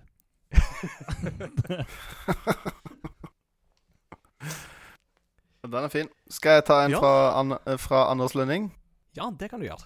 Yes. Anders Lønning har skrevet eh, Eller, jeg valgte hans svar fordi at eh, jeg syns han eh, Han har jo litt som deg, Peter, hatt eh, ikke samme oppvekst som meg og Ingar. Som Nintendo Boys. Han skriver Som de fleste som vokste opp på 90-tallet, ble Pokémon raskt en del av barndommen. Men som en Sega slash PlayStation, PlayStation Kid var ikke en Gameboy noe jeg eller noen i nabolaget hadde tilgang til, så mitt første møte med Red og Blue var via emulering. TV-serien TV-serien, samlekortene og, og spillekortene derimot var hans i stor sirkulasjon, selv på Bømlo, så jeg kan skilte med å kunne rappe navnet til alle de første 151 Pokémonene. Det er ganske bra. Magikarp, Pidgeot. Den rappen er rimelig tøff. Det er jo, det, det er jo denne rappen som blir I love you Satan baklengs, er det ikke det? Det har aldri hørt. Stemme! Dette snakket vi om i den uh, Pokémon-episoden vår, men det var jo den der konspirasjonsteorien om at uh, hvis du tok Gotta Catch a Mall baklengs, så ble det til I love you Satan. Det, og du, Mm. Mats Jakob, kunne jo da bevise at nei, det gjør det slettes ikke, for du har lekt deg nok med lydopptak til å vite at Satan baklengs, det er natas. Det er helt riktig. Natas. Ja, det var, det, jo, det var en stor hit på videregående. Sant det? Nå husker jeg det. Ja, det var bra du husker det. Uh, sorry, please continue. Ja, nei, det var bare en liten til på slutten her. I voksen alder har Pokémon blitt eh, en av mange områder med overlapp for meg med interesse til barna mine, og Plex-serveren min er full av Pokémon. Eh, som også var en grunn til at jeg valgte den her. Han er jo litt i samme situasjon som meg, at eh, det er en ting han kan bonde med barna på. Jeg har sett mye Pokémon med mine barn, og spilt, lært de å spille Pokémon-kort, så det, det har de jo stor glede av. Yeah. Gode greier. Oh, Pokémon Go! Jeg har spilt mye Pokémon Go. Yes, Ja. jeg har spilt enda et Pokémon-spill. Å, da dobla vi den.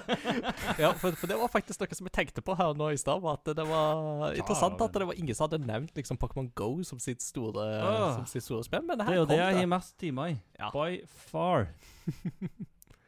Det var, det var, jeg har tidligere brukt å sagt at det er to ting som får meg til å gå på tur. Enten hvis det er en kamerat som har noe veldig viktig å snakke om. Andre hvis det er en fin dame. Tredje er jo Pokémon Go. Hallo. Og hva hvis du får alle Mm. tre på en gang? Det er en fin tur. Ja. Skal jeg ta et svar fra Christian Jarnes Saude, da? Be my guest. Yeah. Gjerne det. Christian Jarnes Saude skriver sterkeste minne jeg har, var når jeg så noen spille Gold Silver for første gang. Jeg var satt i en ballbinge på danskebåten eller lignende, og så en kid ha spillet. Jeg hadde spilt Blue masse og visste ikke at det hadde kommet nye spill. Jeg husker jeg syntes grafikken så sjukt bra ut, som er morsomt å tenke på i ettertid. Men altså, mm, Gold og Silver var veldig veldig bra for sin tid. Og det er jo klart, det var jo uh, color-eksklusive, så det er klart at de, uh, Mm. De De kjørte ganske hardt med innhold. Og det var jo Det var jo òg de spillene der eh, Satoru Iwata kom inn i eh, kodinga av spillet. eh, altså tidligere Pokémon-presidenten. Mm. For de sleit jo med å få fullført de spillene, og så var det bare sånn Ja, men eh, vi vet om en veldig, veldig dyktig programmerer, han kan sikkert se på det. Og så kom Iwata, og så bare ja, ja, nei, dette kan vi få til. Og forresten, hvis dere vil, så kan vi putte inn hele kartet fra det første spillet. Kan vi bare putte inn her? Og de var sånn Hvem er han fyren? Ja, det var det jeg skulle skyte inn. Det var den største sånn eh, Ja, ordentlig mindblowen, liksom, når jeg var barn. Var det at liksom, når du er ferdig med det spillet, så kan du spille hele det forrige i mm. samme spill. Det var helt sånn der Er det sant? Det var noen som sa det. Jeg bare Særlig. Jeg bare What? Og det tok med Pokémon. For det, det er en ting som alltid jeg har tenkt på med Pokémon, at det er litt sånn derre og Som er jo med alt mediet da som utvider seg, er jo at litt sånn der uh, i, uh, På en måte at uh, regionene har liksom Og her har vi våre egne 100 Pokémon. Og her har vi våre egne Det er jo liksom ikke sånn Det fins kun elg i Agder. Og ikke noe annet sted. Og vi har skogsduer, det har det ikke du. Det er litt sånn med flått. Det er litt sånn med flått, da. Det har vi her nede. Det er det ikke så mange andre steder. Det er mye her nede. Det er sånn, men jeg, jeg vil ikke ha det. Kan ikke si jeg er sjalu på den, ass. Nei, den er ganske del. Kan jeg ta en til? Ja, ja, ja, du har en til til Ja. gode, så det må du gjerne gjøre. Jeg, jeg må jo ta den, siden det var jo den som hjalp meg til å komme på at jeg har dobla antall spill jeg har spilt. Da er det Scorpus eh, 1981, Adrian. For å si det sånn det er, De eneste Pokémon-spill som jeg har spilt, er Pokémon Go og Pokémon Let's Go Eevee. Feel you, bro. Så av de to må det bli Pokémon Let's Go Eevee som er mitt favorittspill. Har barn som ser på seriene og samler på kort. Mm. Kjente meg helt igjen i slutten her, men resten er, er kjent, så det Ja. Ja. Det er godt at vi er flere. Mm. Og da trekker jeg tilbake det jeg sa om at det var ingen som hadde nevnt Pokémon Go. Så Det var det jeg kom på. At jeg har, jeg hadde sett en plass. har du en eh, siste til slutt, eh, Mats Jakob? Jeg hadde ikke plukka ut en. Jeg kan ta Jeg, jeg, hadde bare, jeg kan ta en til på, eh, på On The Fly, som jeg syns var fin. Eh, fra Espen Tveit. Favorittspillet er nok Pokémon Crystal. Eh, det fikk jeg til bursdagen et år, og det ble mitt barndoms-Pokémon-spill. Eh, kan vel gjette at det gikk et par hundre timer der. Ja, det tror jeg det var ganske mange som hadde. TV-serien, kortene og Pokémon Stadium var også viktige deler av barndommen, men det jeg vil trekke fram, er noe av det beste jeg har opplevd, er Twitch Plays Pokémon. Jeg oppdaga det sånn midt i løpet, tror jeg, men jeg ble veldig fascinert av konseptet. Timelange kamper mot kanter, navnene og ikke minst kult kultene som oppstår rundt spillet. Democracy oh, versus Anarchy. ja. Dome versus Helix. All Terrain Venomoth. Jeg hadde, jeg hadde det på når jeg satt og gjorde oppgaver. Jeg leste oppsummeringer flere ganger til dagen, og det var eh, det var rundt samme tid som vinter-OL. Gikk på alles flatskjermer, men for meg var det Twitch Plays Pokémon som var, som var tidenes store hendelse. Yes. Det var, jo, det var jo en begivenhet, det opplegget der. Altså. Det var Åh, fantastisk. Og hele den der greia med da hele den der uh, Oma Night, Omastar-kulten som ble oppretta, det, det, det smitta jo til og med over i andre spill, som uh, Plague Inc. har jo en sånn veldig fascinerende greie med at de har jo en sånn newsreel som går uh, gjennom hele spillets gang, og den newsreelen blir gjerne oppdatert med på en måte parodier på ting som skjer i vår verden på ekte. Og det var en av de newsreelene var sånn Mhm. Thousands of Twitch viewers found a new religion. Og det er Ah, jo da deilig. selvsagt denne referanse til The Omastar Cult. Ja, men uh, altså bare for å ta det For de som ikke vet hva Twitch Plays Pokémon er for noe, så var det jo noen Ja. som satte opp sånn at de streama Pokémon, og så var det kommentarfeltet på Twitchen som folk kunne skrive inn inputs i kommentarfeltet, så folk krangla jo om å gjøre ting. For hvem som helst kunne logge seg på og, og skrive 'gå fram', 'gå tilbake', 'trykk på A og B'. Så det tok jo Altså, ja, demokratisk gjennomspilling av Pokémon. det var alle stemmer Eller anarkistisk, da, eventuelt, som man sier. Det var jo helt Helt bias. Og det, de fullførte spillet. Det er jo det Ja, som er det- så sprøtt. Gjorde de ikke det? Det er helt sykt. Det er sykt. Ja, det er helt, helt utrolig. Så det var jo en sånn derre Og det ble jo en sånn greie med liksom noe som var helt nytt i spillverden. Kan man gjøre dette? Kan man liksom hvem som helst kollektivt spille et spill via kommentarfeltet? Det er jo Ja. Og det var jo eh, selvfølgelig som alle steder, det oppstår jo nettroll. Så det, det var jo folk som var inne bare for å hindre framgang. Mm. Dette- Jeg bare tok en sånn rask søker, og da eh, eh, Den strømmen eh, på Twitch hadde i gjennomsnitt 80 000 seere. Eh, 10% av dem deltok i spillet, og det, etter mer enn 16 dagers konstant spilling, så var det fullført. Ja, så 24 ganger 16 Mm. timer, da. Så har du det. Det er ganske mye. Twitch antok at sånn ca. 1,16 millioner folk deltok totalt. Det må jo være en Guinness-rekord. Noe må det være, i hvert fall. Det, Det, det er- må jo være rekord for antall deltakende i et Gameboy-spill.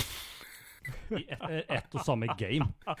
ja, ja, ja. ja. Styr- Alle styrer én Helt sinnssykt. Nei, så det det var deilig. Godt du trakk fram det, Espen. Det. B- Battle Royales kan ta seg en bolle. Det er dette Det som er Det er Battle Royale. Når du får din vilje gjennom, da har du vunnet Winner Winner Chicken Dinner Deluxe. Der har vi det. Der har vi det, altså. Der har vi etablert det en gang for alle. Twitch Plays. Pokémon, the OG Battle Royale.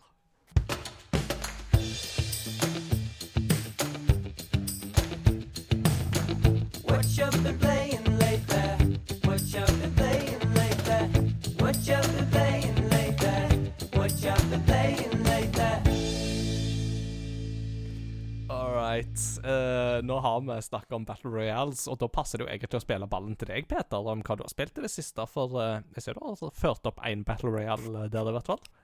Ja da, det går fortsatt i Warzone. Ja, ja, ja. Yes, det gjør det. Mm. Jeg, har, jeg har kanskje Det, det hadde mest sannsynlig vært mitt sykeste game ever. Uh, men uh, vi, vi ble tatt til slutt. Men etter uh, Vi kom på 32.-plass. Uh, til tross for at vi døde så tidlig, så fikk jeg 12 kills. Uh, Jeg var den i hele lobbyen med flest kills. uh. Og det var eh, trios, så det var jo fortsatt 31 lag ganger tre spillere igjen. Hmm. Eh, og vi var det laget med Hmm. tredje flest kills i hele lobbyen. Og når det da er 30 Vi dør, og det er 31 squads igjen Det, det var helt sykt. Jeg har aldri vært så gåen etter en vanlig uh, Warzone-runde hvor du dør så tidlig, for det var totalt kaos fra du starta til du slutta. Men fytti snakkes, det var artig. Uh, og så har jeg jo Mm. testa ut den zombie-moden, som, eh, for det ble jo gratis nå plutselig. Ah. Eh, de slet skikkelig med lobbyene der. Eh, du måtte gå inn i multiplayer mode for at hvis du klarer å bli en squad. Og så måtte du gå over til zombie mode. Og hvis du var heldig, så klarte du å få et game. Uh, for de har gjort det Mm. online, sjøl om det er kun venner som spiller. Og da spiller du mot zombier, så det er jo Det er jo NPC-er uh, i spillet. Uh, Mm. Men det var utrolig artig. Eh, det var god stemning, vi koste oss veldig, og en vanvittig god måte å levele våpen på og sånt. Mm. Og sosialt, da. Mm. Uh. Eh, siden vi først snakker om Call of Duty Warzone, så må vi jo nevne den der fantastiske kunngjøringa fra Activision for eh, et par uker siden. Nemlig at uh, hvis du har en standard gammel PlayStation 4 med en original harddisk på 500 GB, så har da Activision sagt at uh, da er ikke sikkert at harddisken din er stor nok for uh, framtidige oppdateringer av Call of Duty. Nei. Jeg har en egen harddisk for eh, Warzone, så Lol. Nei, om det. Ja. altså, Nei, det er begre- Warzone. be be begrepet komprimering fins ikke hos eh, Activision. Og det er bare sånn Hva tenker dere med? Ja, det er veldig sært. Ja, det, det er helt sykt. Det er altså Hver Verdansk tar jo mer plass enn hele verden gjør i flysimulator. Ja, Så det er jo faktisk en greie. Men spillet, det er veldig artig. Det, det syns jeg i hvert fall, Ja. så det vil jeg få fram. Eh, og så har jeg litt mer Age of Empires. Mm. To. All hail, king of the losers! Så det var jo eh, fortsatt utrolig god stemning i eh, klassen. Eh, så har vi nå gått videre på LOL, da. Oh. eh, vi. Eh, men vi er, det var ti elever, og når du spiller fem mot fem, så får ikke lærere bli med. Så jeg har sett mye på LOL. Eh, har ikke spilt det sjøl. Så det er fint å være gaminglærer, men du får ikke alltid bli med på leken. Det- Det, men sånn er det. Ja. Og så eh, litt mer Cyberpunk, litt mer Valhalla, og ikke minst Last of Us Part 2. ja. Å, glede i livet, så lykkelig!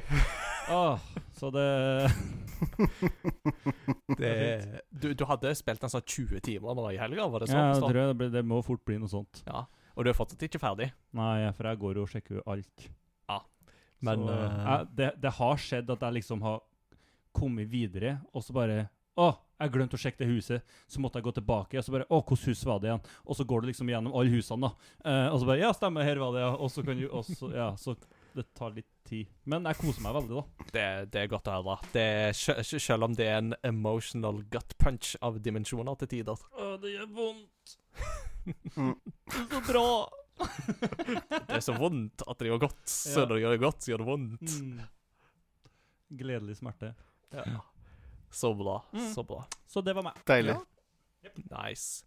Uh, du hadde jo noe eh, Battle Royale på, på planen, og det taier ganske greit inn med ting jeg har spilt, så jeg lurer på om jeg kan være nestemann ut. Kjør på. For jeg har hoppa inn i Apex Legends igjen. Jeg så det. For første gang på Jeg, jeg sjekka loggen når jeg hadde spilt det sist, og det var da 8. april 2020. Så det var nesten et år siden jeg hadde spilt det sist. Jeg var ikke klar over at det var gått så lang tid. Hm. mm. men uh, når, når sesong 8 har begynt, så har det jo kommet en ny rollefigur, og de har gjort litt sånn endringer på kartet og litt sånt. Og jeg oversatte en tekst for Game Reactor om Apex Legends, og da bare kjente jeg liksom bare sånn Hm, det hadde vært gøy å plukke det opp igjen nå snart, og faktisk gått i gang. Så jeg tror det var nå til helga, så begynte jeg å spille litt igjen. Jeg har blant annet spilt mm. litt med Anders, eh, og Anders. det var veldig trivelig. Og jammen meg, da jeg spilte for et par dager siden, så fikk jeg til med et win. Jeg har faktisk hatt to wins eh, siden, uh, siden jeg hoppa inn igjen. Og det er veldig Wow. gøy, altså. Mm. Eh, og særlig på den siste winnen som jeg hadde, da følte jeg at det bidro skikkelig òg, for da fikk jeg en sånn fin kombo med eh, hagler som heter Mastiff, og så tror jeg det var longbow sniper-rifla. Så da hadde jeg liksom noe på veldig lang avstand, og så hadde jeg noe på veldig kloss hold. Eh, og da var det en veldig veldig bra kombo, fant jeg ut. Den, den pumper godt. Aha, Det, så. Jeg kan ikke ha liksom sånne ting som bare skyter mange skudd i sekundet, for da blir jeg bare sånn Det går liksom geværmyndigen liksom alle retninger. Mm. Så det, det, det, det, det er ikke det som passer meg best, har jeg funnet ut. Jeg må ha noe som bare er liksom én gang, og så pum! Du vil helst spille Doom selv når ikke du spiller Doom? Ja, basically.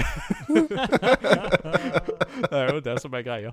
Uh, og, og, og det som òg er, når jeg har spilt Apex Legends, når jeg da skal spille Overwatch etterpå, så må jeg alltid ha en sånn avvenningsfase. Fordi at det, da er jeg så vant etter å ha spilt Apex at eh, da må jeg trykke shift for å springe. Men hvis jeg trykker shift Mm. i uh, Overwatch, da gjør det jo en ability. Så det jeg alltid må gjøre da, Mm. er at jeg må spille som Soldier 76, Mm, for han sånn han ha, han fungerer jo som en sånn klassisk sånn FPS-character, så han er sånn Når du da trykker shift, så springer du med han. Så Ja. jeg må ha sånn avrusing først, før jeg går videre i eh, Overwatch. Så det er litt funny. Deilig. Veldig deilig. Men det er ikke det eneste jeg har spilt. Eh, jeg og kona vi har spilt Bowsers Fury. Eh, dette her eh, nye oh, tillegget til Super Mario 3D World som kom til Switch. Eh, og, og det må jeg si, altså, det har vært en, kos, altså, en koselig opplevelse å spille det i lag. Det har jo For der er det jo sånn at én styrer Mario, og så kan en annen styre Bowser Jr., og Bowser Jr. fyker da rundt i en sånn clown copter. Eh, sånn som pappa Mm. Bowser introduserte i Super Mario World.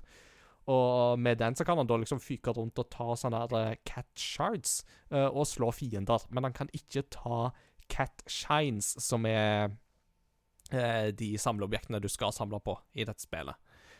Mm. Eh, og det samarbeidet fungerer veldig veldig bra. Um, I dette spillet så har jo da Bowser blitt uh, dekka av noe maling eller noe søle, og da har han blitt enda mer sint enn vanlig. Og så har han blitt veldig, veldig veldig stor. Altså Han har blitt kaiju-size. Altså han, ha, han er blitt Godzilla, basically. Mm. Uh, Godzilla! Ja, så, så det er sånn uh, Kuppa Godzilla. Rett og slett. så da må Bowser og Junior og Mario samarbeide. eh, og alt i Bowsers Fury er katt. Ikke i det narkotiske stoffet, men som i pus... eh, altså, alt er pus. Eh, Pusekatt.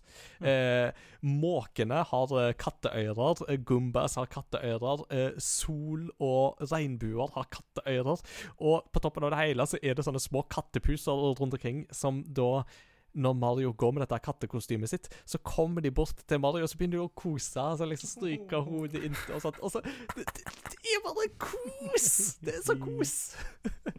Kattekos. Ja, det er kattekos, rett og slett.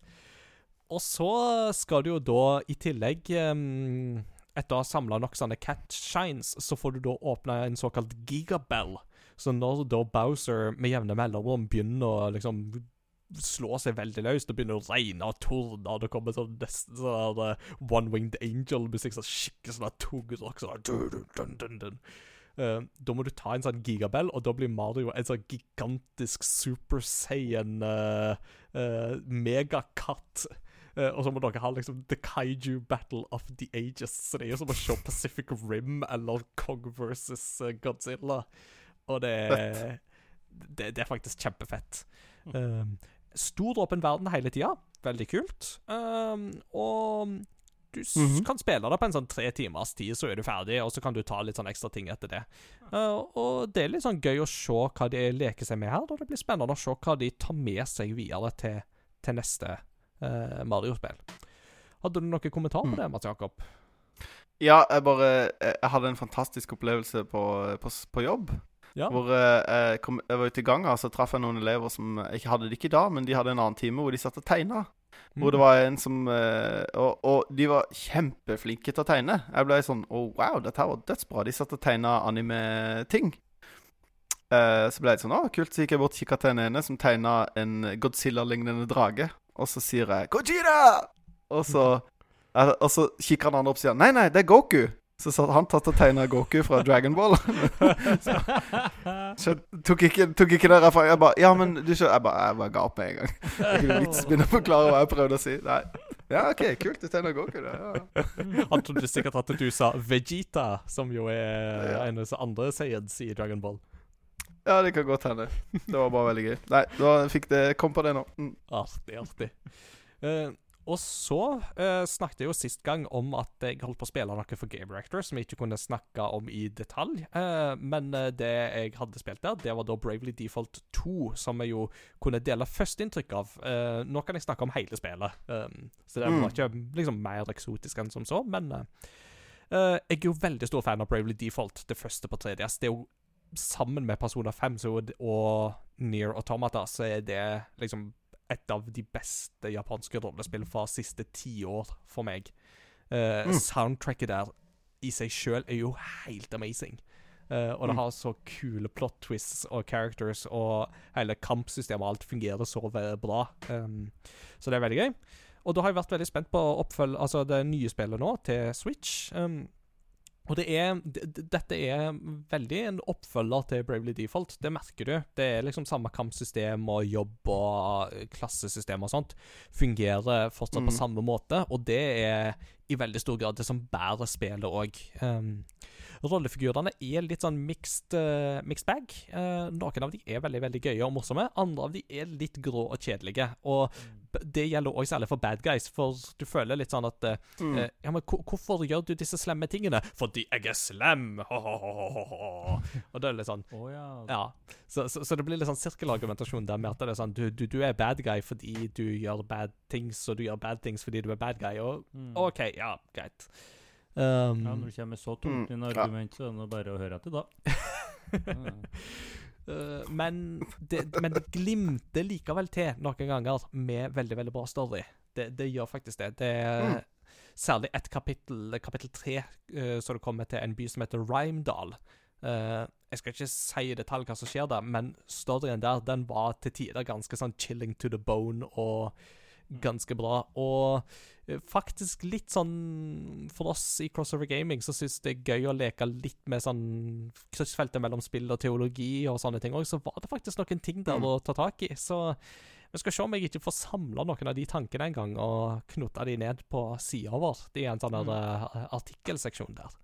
Uh, det hadde vært litt gøy å få til. Mm. S- Siste Nå skal jeg snart uh, gi meg, uh, men det siste er at jeg har begynt på Hitman. Det, Ah, kult. Det er gøy, altså. Det mm, mm, Altså, Hitman 3 kom jo nå i januar, og det som er gøy med Hitman 3, er jo da at du kan spille Hitman 1 og Hitman 2 i Hitman 3. Uh, altså med liksom de forbedringene og grafikkmotoren og sånt som er i Hitman 3. Uh, og da kan du enten, hvis du allerede eier de spillene fra før, så fikk du tilgang på de gratis. Eh, hvis ikke så kan, kan du kjøpe sånn type sånn sesongpass-lignende greier, sånn at du får tilgang på de spillene i Hitman 3. Så da har jeg begynt i Hitman 1, rett og slett, og spiller meg videre derfra, og det er jo Det er jo helt fantastisk. Altså, du er en snikmorder, og dette er jo spill som helt soleklart henter inspirasjoner fra James Bond. Det er liksom Musikken og stilen og sånt er veldig Bond-ish, bare at du er the assassin, du er the bad guy.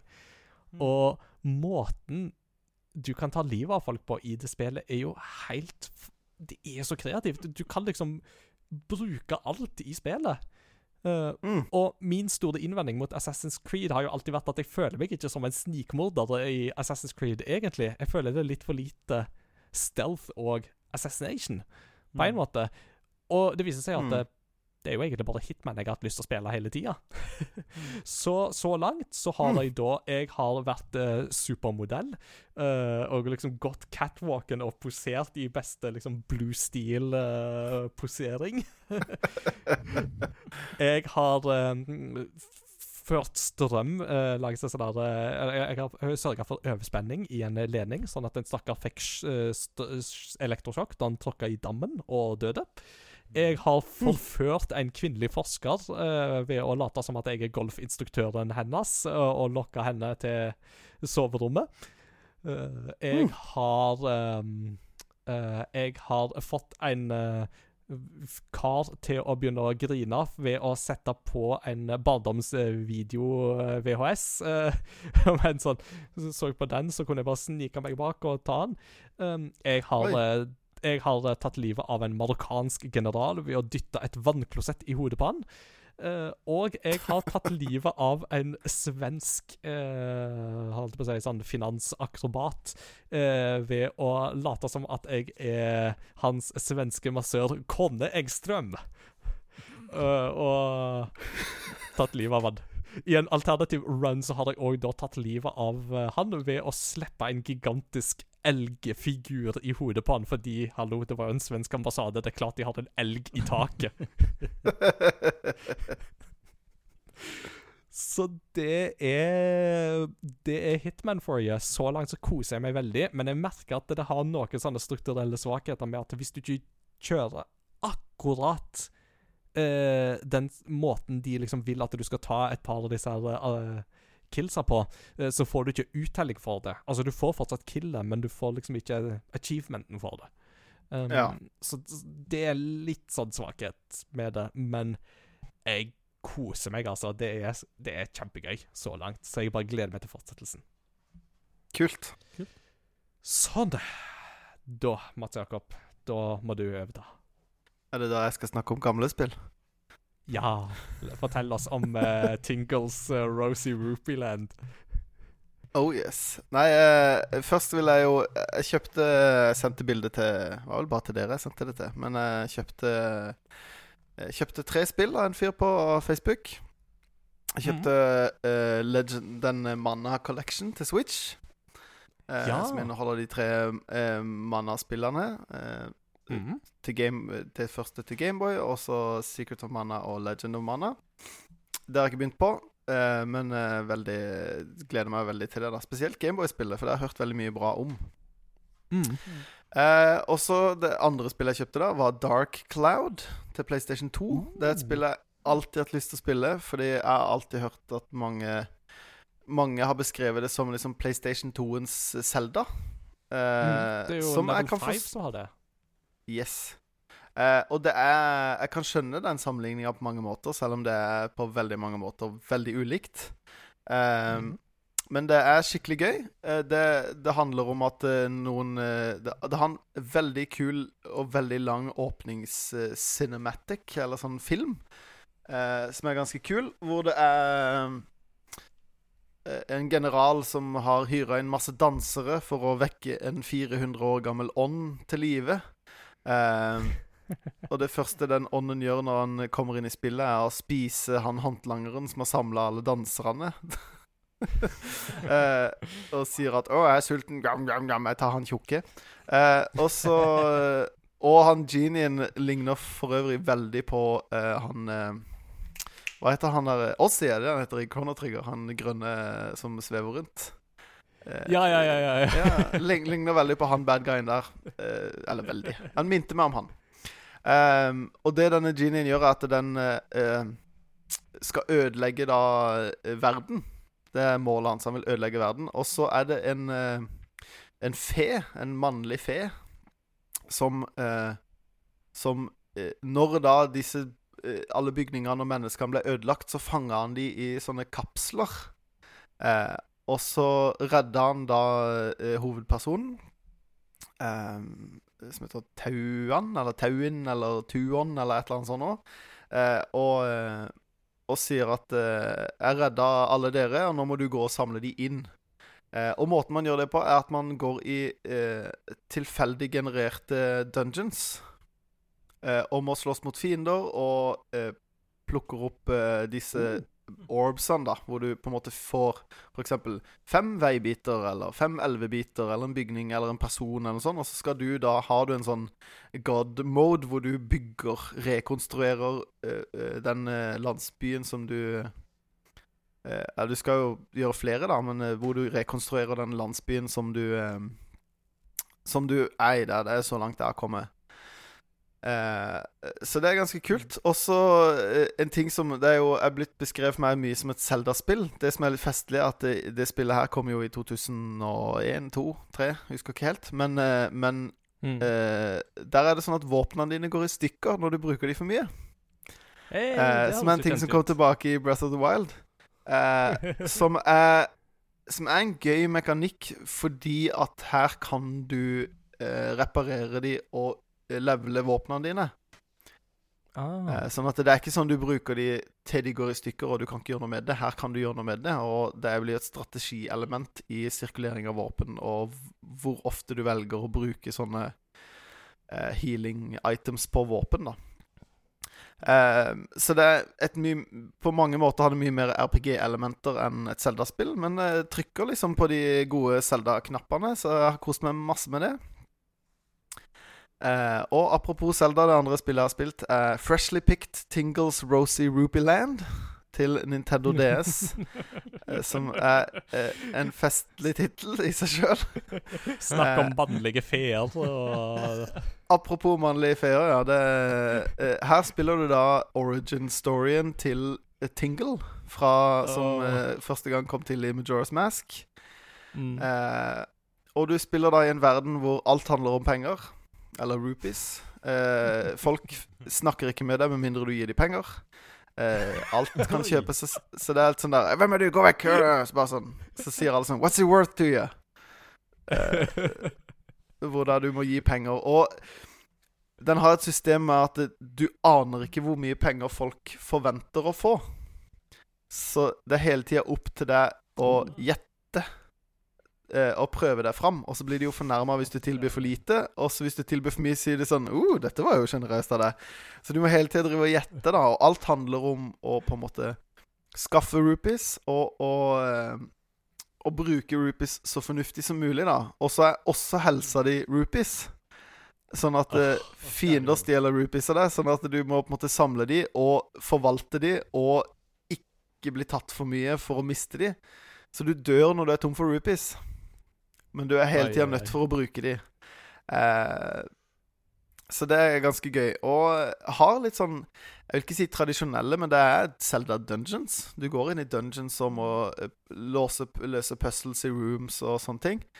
Um, så det er jo på mange måter et Zelda-spill, selv om det er sykt i utkanten av Zelda-universet. Eh, som eh, Og som jeg nevnte i forrige episode, det spillet her er ekstremt japansk.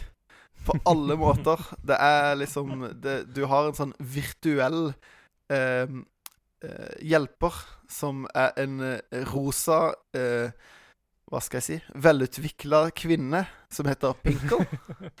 Eh, som er sånn 'What can I do for you, sir?' Og veldig sånn der 'Just call on me'. Og veldig sånn der eh, Hun flørter med han, og han blir helt sånn oh, Som Tingle blir. Uh, så det er veldig sånn Det, det er mye OK. ja, uh, ja vel. Anything you say, Pinkle. Uh, nei. så det er et utrolig morsomt spill, da. Det det er veldig sånn merker at det er litt sånn Et slags sånn love letter til liksom Tingle community, hvis du kan si det sånn. altså til folk som elsker Tingle, for det er, det er bare kjempesært. Og hele det opphavet med kart, kartografien og sånn. Du driver og skal tegne inn på kart og sånn. Um, de tingene jeg ikke liker med spillet For å ta det nå jeg snakket lenge da Men eh, de tingene jeg ikke liker med spillet Er jo at du, eh, du styrer med pilene Og så bruker du den pennen Så alt gjøres på touch-skjermen Til og med alt fra Ah. bare gå videre i dialog Så må du sitte og tappe på skjermen Eh, så, så det er veldig sånn På en måte litt sånn eh, ergonomisk Ikke så veldig behagelig å spille Fordi du sitter egentlig og holder DS-en i en hånd Og så trykker med den andre Um, Mm. Eh, og liksom kampene og sånn er bare at du går inn i fiender, og så kommer det en sånn her støvsky, og så er du ferdig, på en måte. Ja, det er veldig sånn uh, Looney Tunes-fighting. uh, det som er interessant med det spillet, er at det kommer aldri ut i Amerika. Det kommer bare ut i Japan og i Europa. Eh, eller kanskje ikke det er, jo, det er ikke så rart når du på en måte Amerikanerne har jo en slags sånn aversjon mot ting som er veldig japansk. Eh, jeg tror det amerikanske publikummet hadde misforstått det spillet her på en mye større basis enn det kanskje europeere gjør, da. Mens her i Europa så har vi franskmenn som er vant til den slags. Mm. Ja, Tingle har en sånn fransk, uh, fransk tone over seg.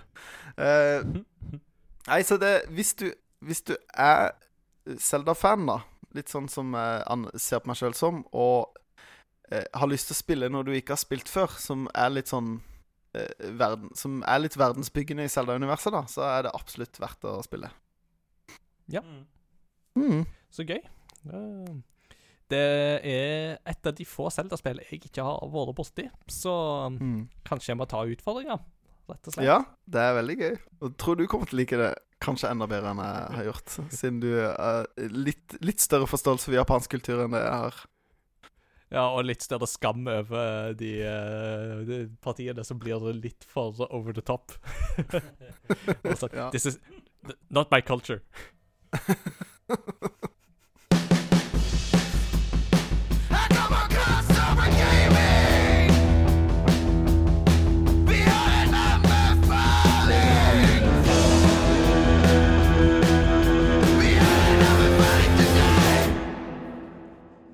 Vi tenker å bare la deg få prate videre, Mats Jakob, for um, du Mm. skal få ta anbefalingen i dag.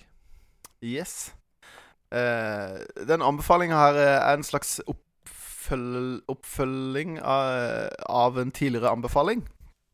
For jeg har tidligere snakka om eh, YouTube-kanalen Stop Skeletons from Fighting. Uh, Opptil flere ganger har jeg snakka om de. Uh, og det syns jeg er en fantastisk YouTube-kanal som eh, tar for seg en del eh, ting som er litt sånn på utkanten av spill, eh, både historie og kultur.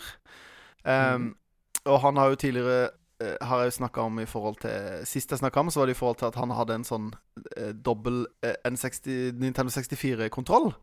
Eh, og snakka om at det var Ja. mulig å kjøre dual stick på eh, Golden Eye, blant annet. da Og han har hatt veldig lenge hatt en, Han har veldig greie for uh, ting som er litt sånn rart uh, og sånne ting. Han han, han sier sjøl 'Stopped skeletons from fighting is, a, uh, is an ode to the weird, ambitious and the unnecessary'.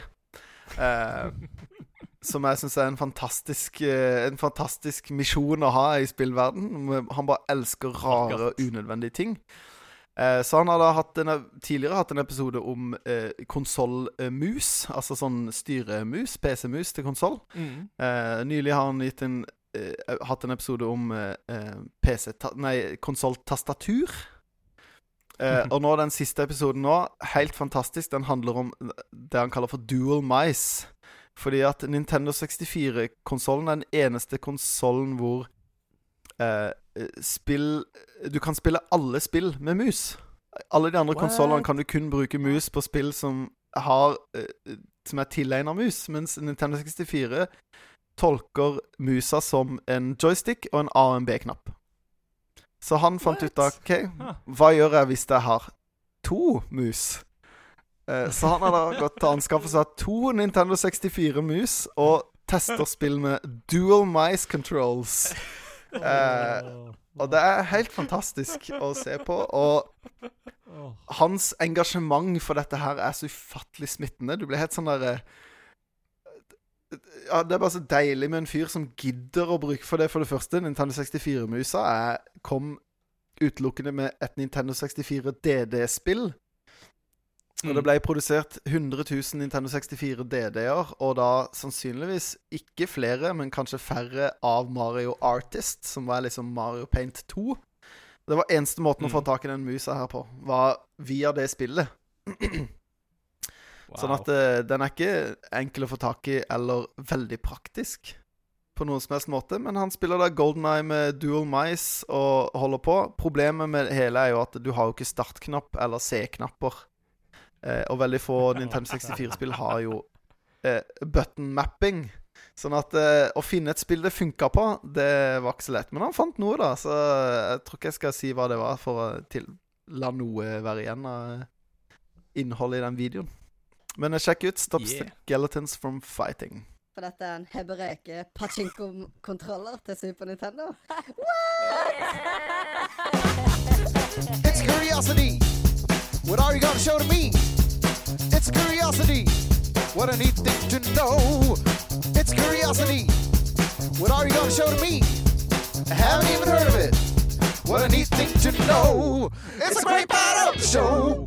Jeg tenkte det at eh, som kuriositet i dag, så måtte jeg se om jeg fant noe Pokémon-relatert. Og, og det er jo mange fun facts og kuriositeter å finne om eh, Pokémon. Um, så det var liksom litt sånn Jeg vet liksom ikke helt hvor jeg skulle, skulle ta det, men eh, så snubla jeg over en ting som jeg syns var litt artig, og det er da relatert til eh, Pikachu og Meowth. Um, så for ordens skyld så er jo Pikachu er Kult. jo alle, alle kjenner jo Pikachu, så I think eh, further introduction is not necessary. Og så har du jo Meowth, som er eh, i utgangspunktet en normal Pokémon. Han har vel fått litt sånn andre klasser etter hvert. Uh, og som jo i animeen så er det jo en Meowth som har en veldig sentral rolle, for at du har jo da en Meowth som har lært seg å snakke, og som henger sammen med Jesse og James fra Team Rocket. Uh, Mm. og det som jo er litt sånn gøy, er jo da at eh, det var noen som påpekte at eh, Pikachu og Meowth er jo da på mange måter motsetninger av hverandre. Um, en ting er jo det naturlige med at de er på hver sin side av si, en konflikt i denne animeen. Uh, holdt jeg på å si good guys and the bad guys. Eh, men Mm. bare sånn for å understreke dette ytterligere, så er da Meowth Pokémon nummer 52 i Pokédexen. Og Pikachu er nummer 25.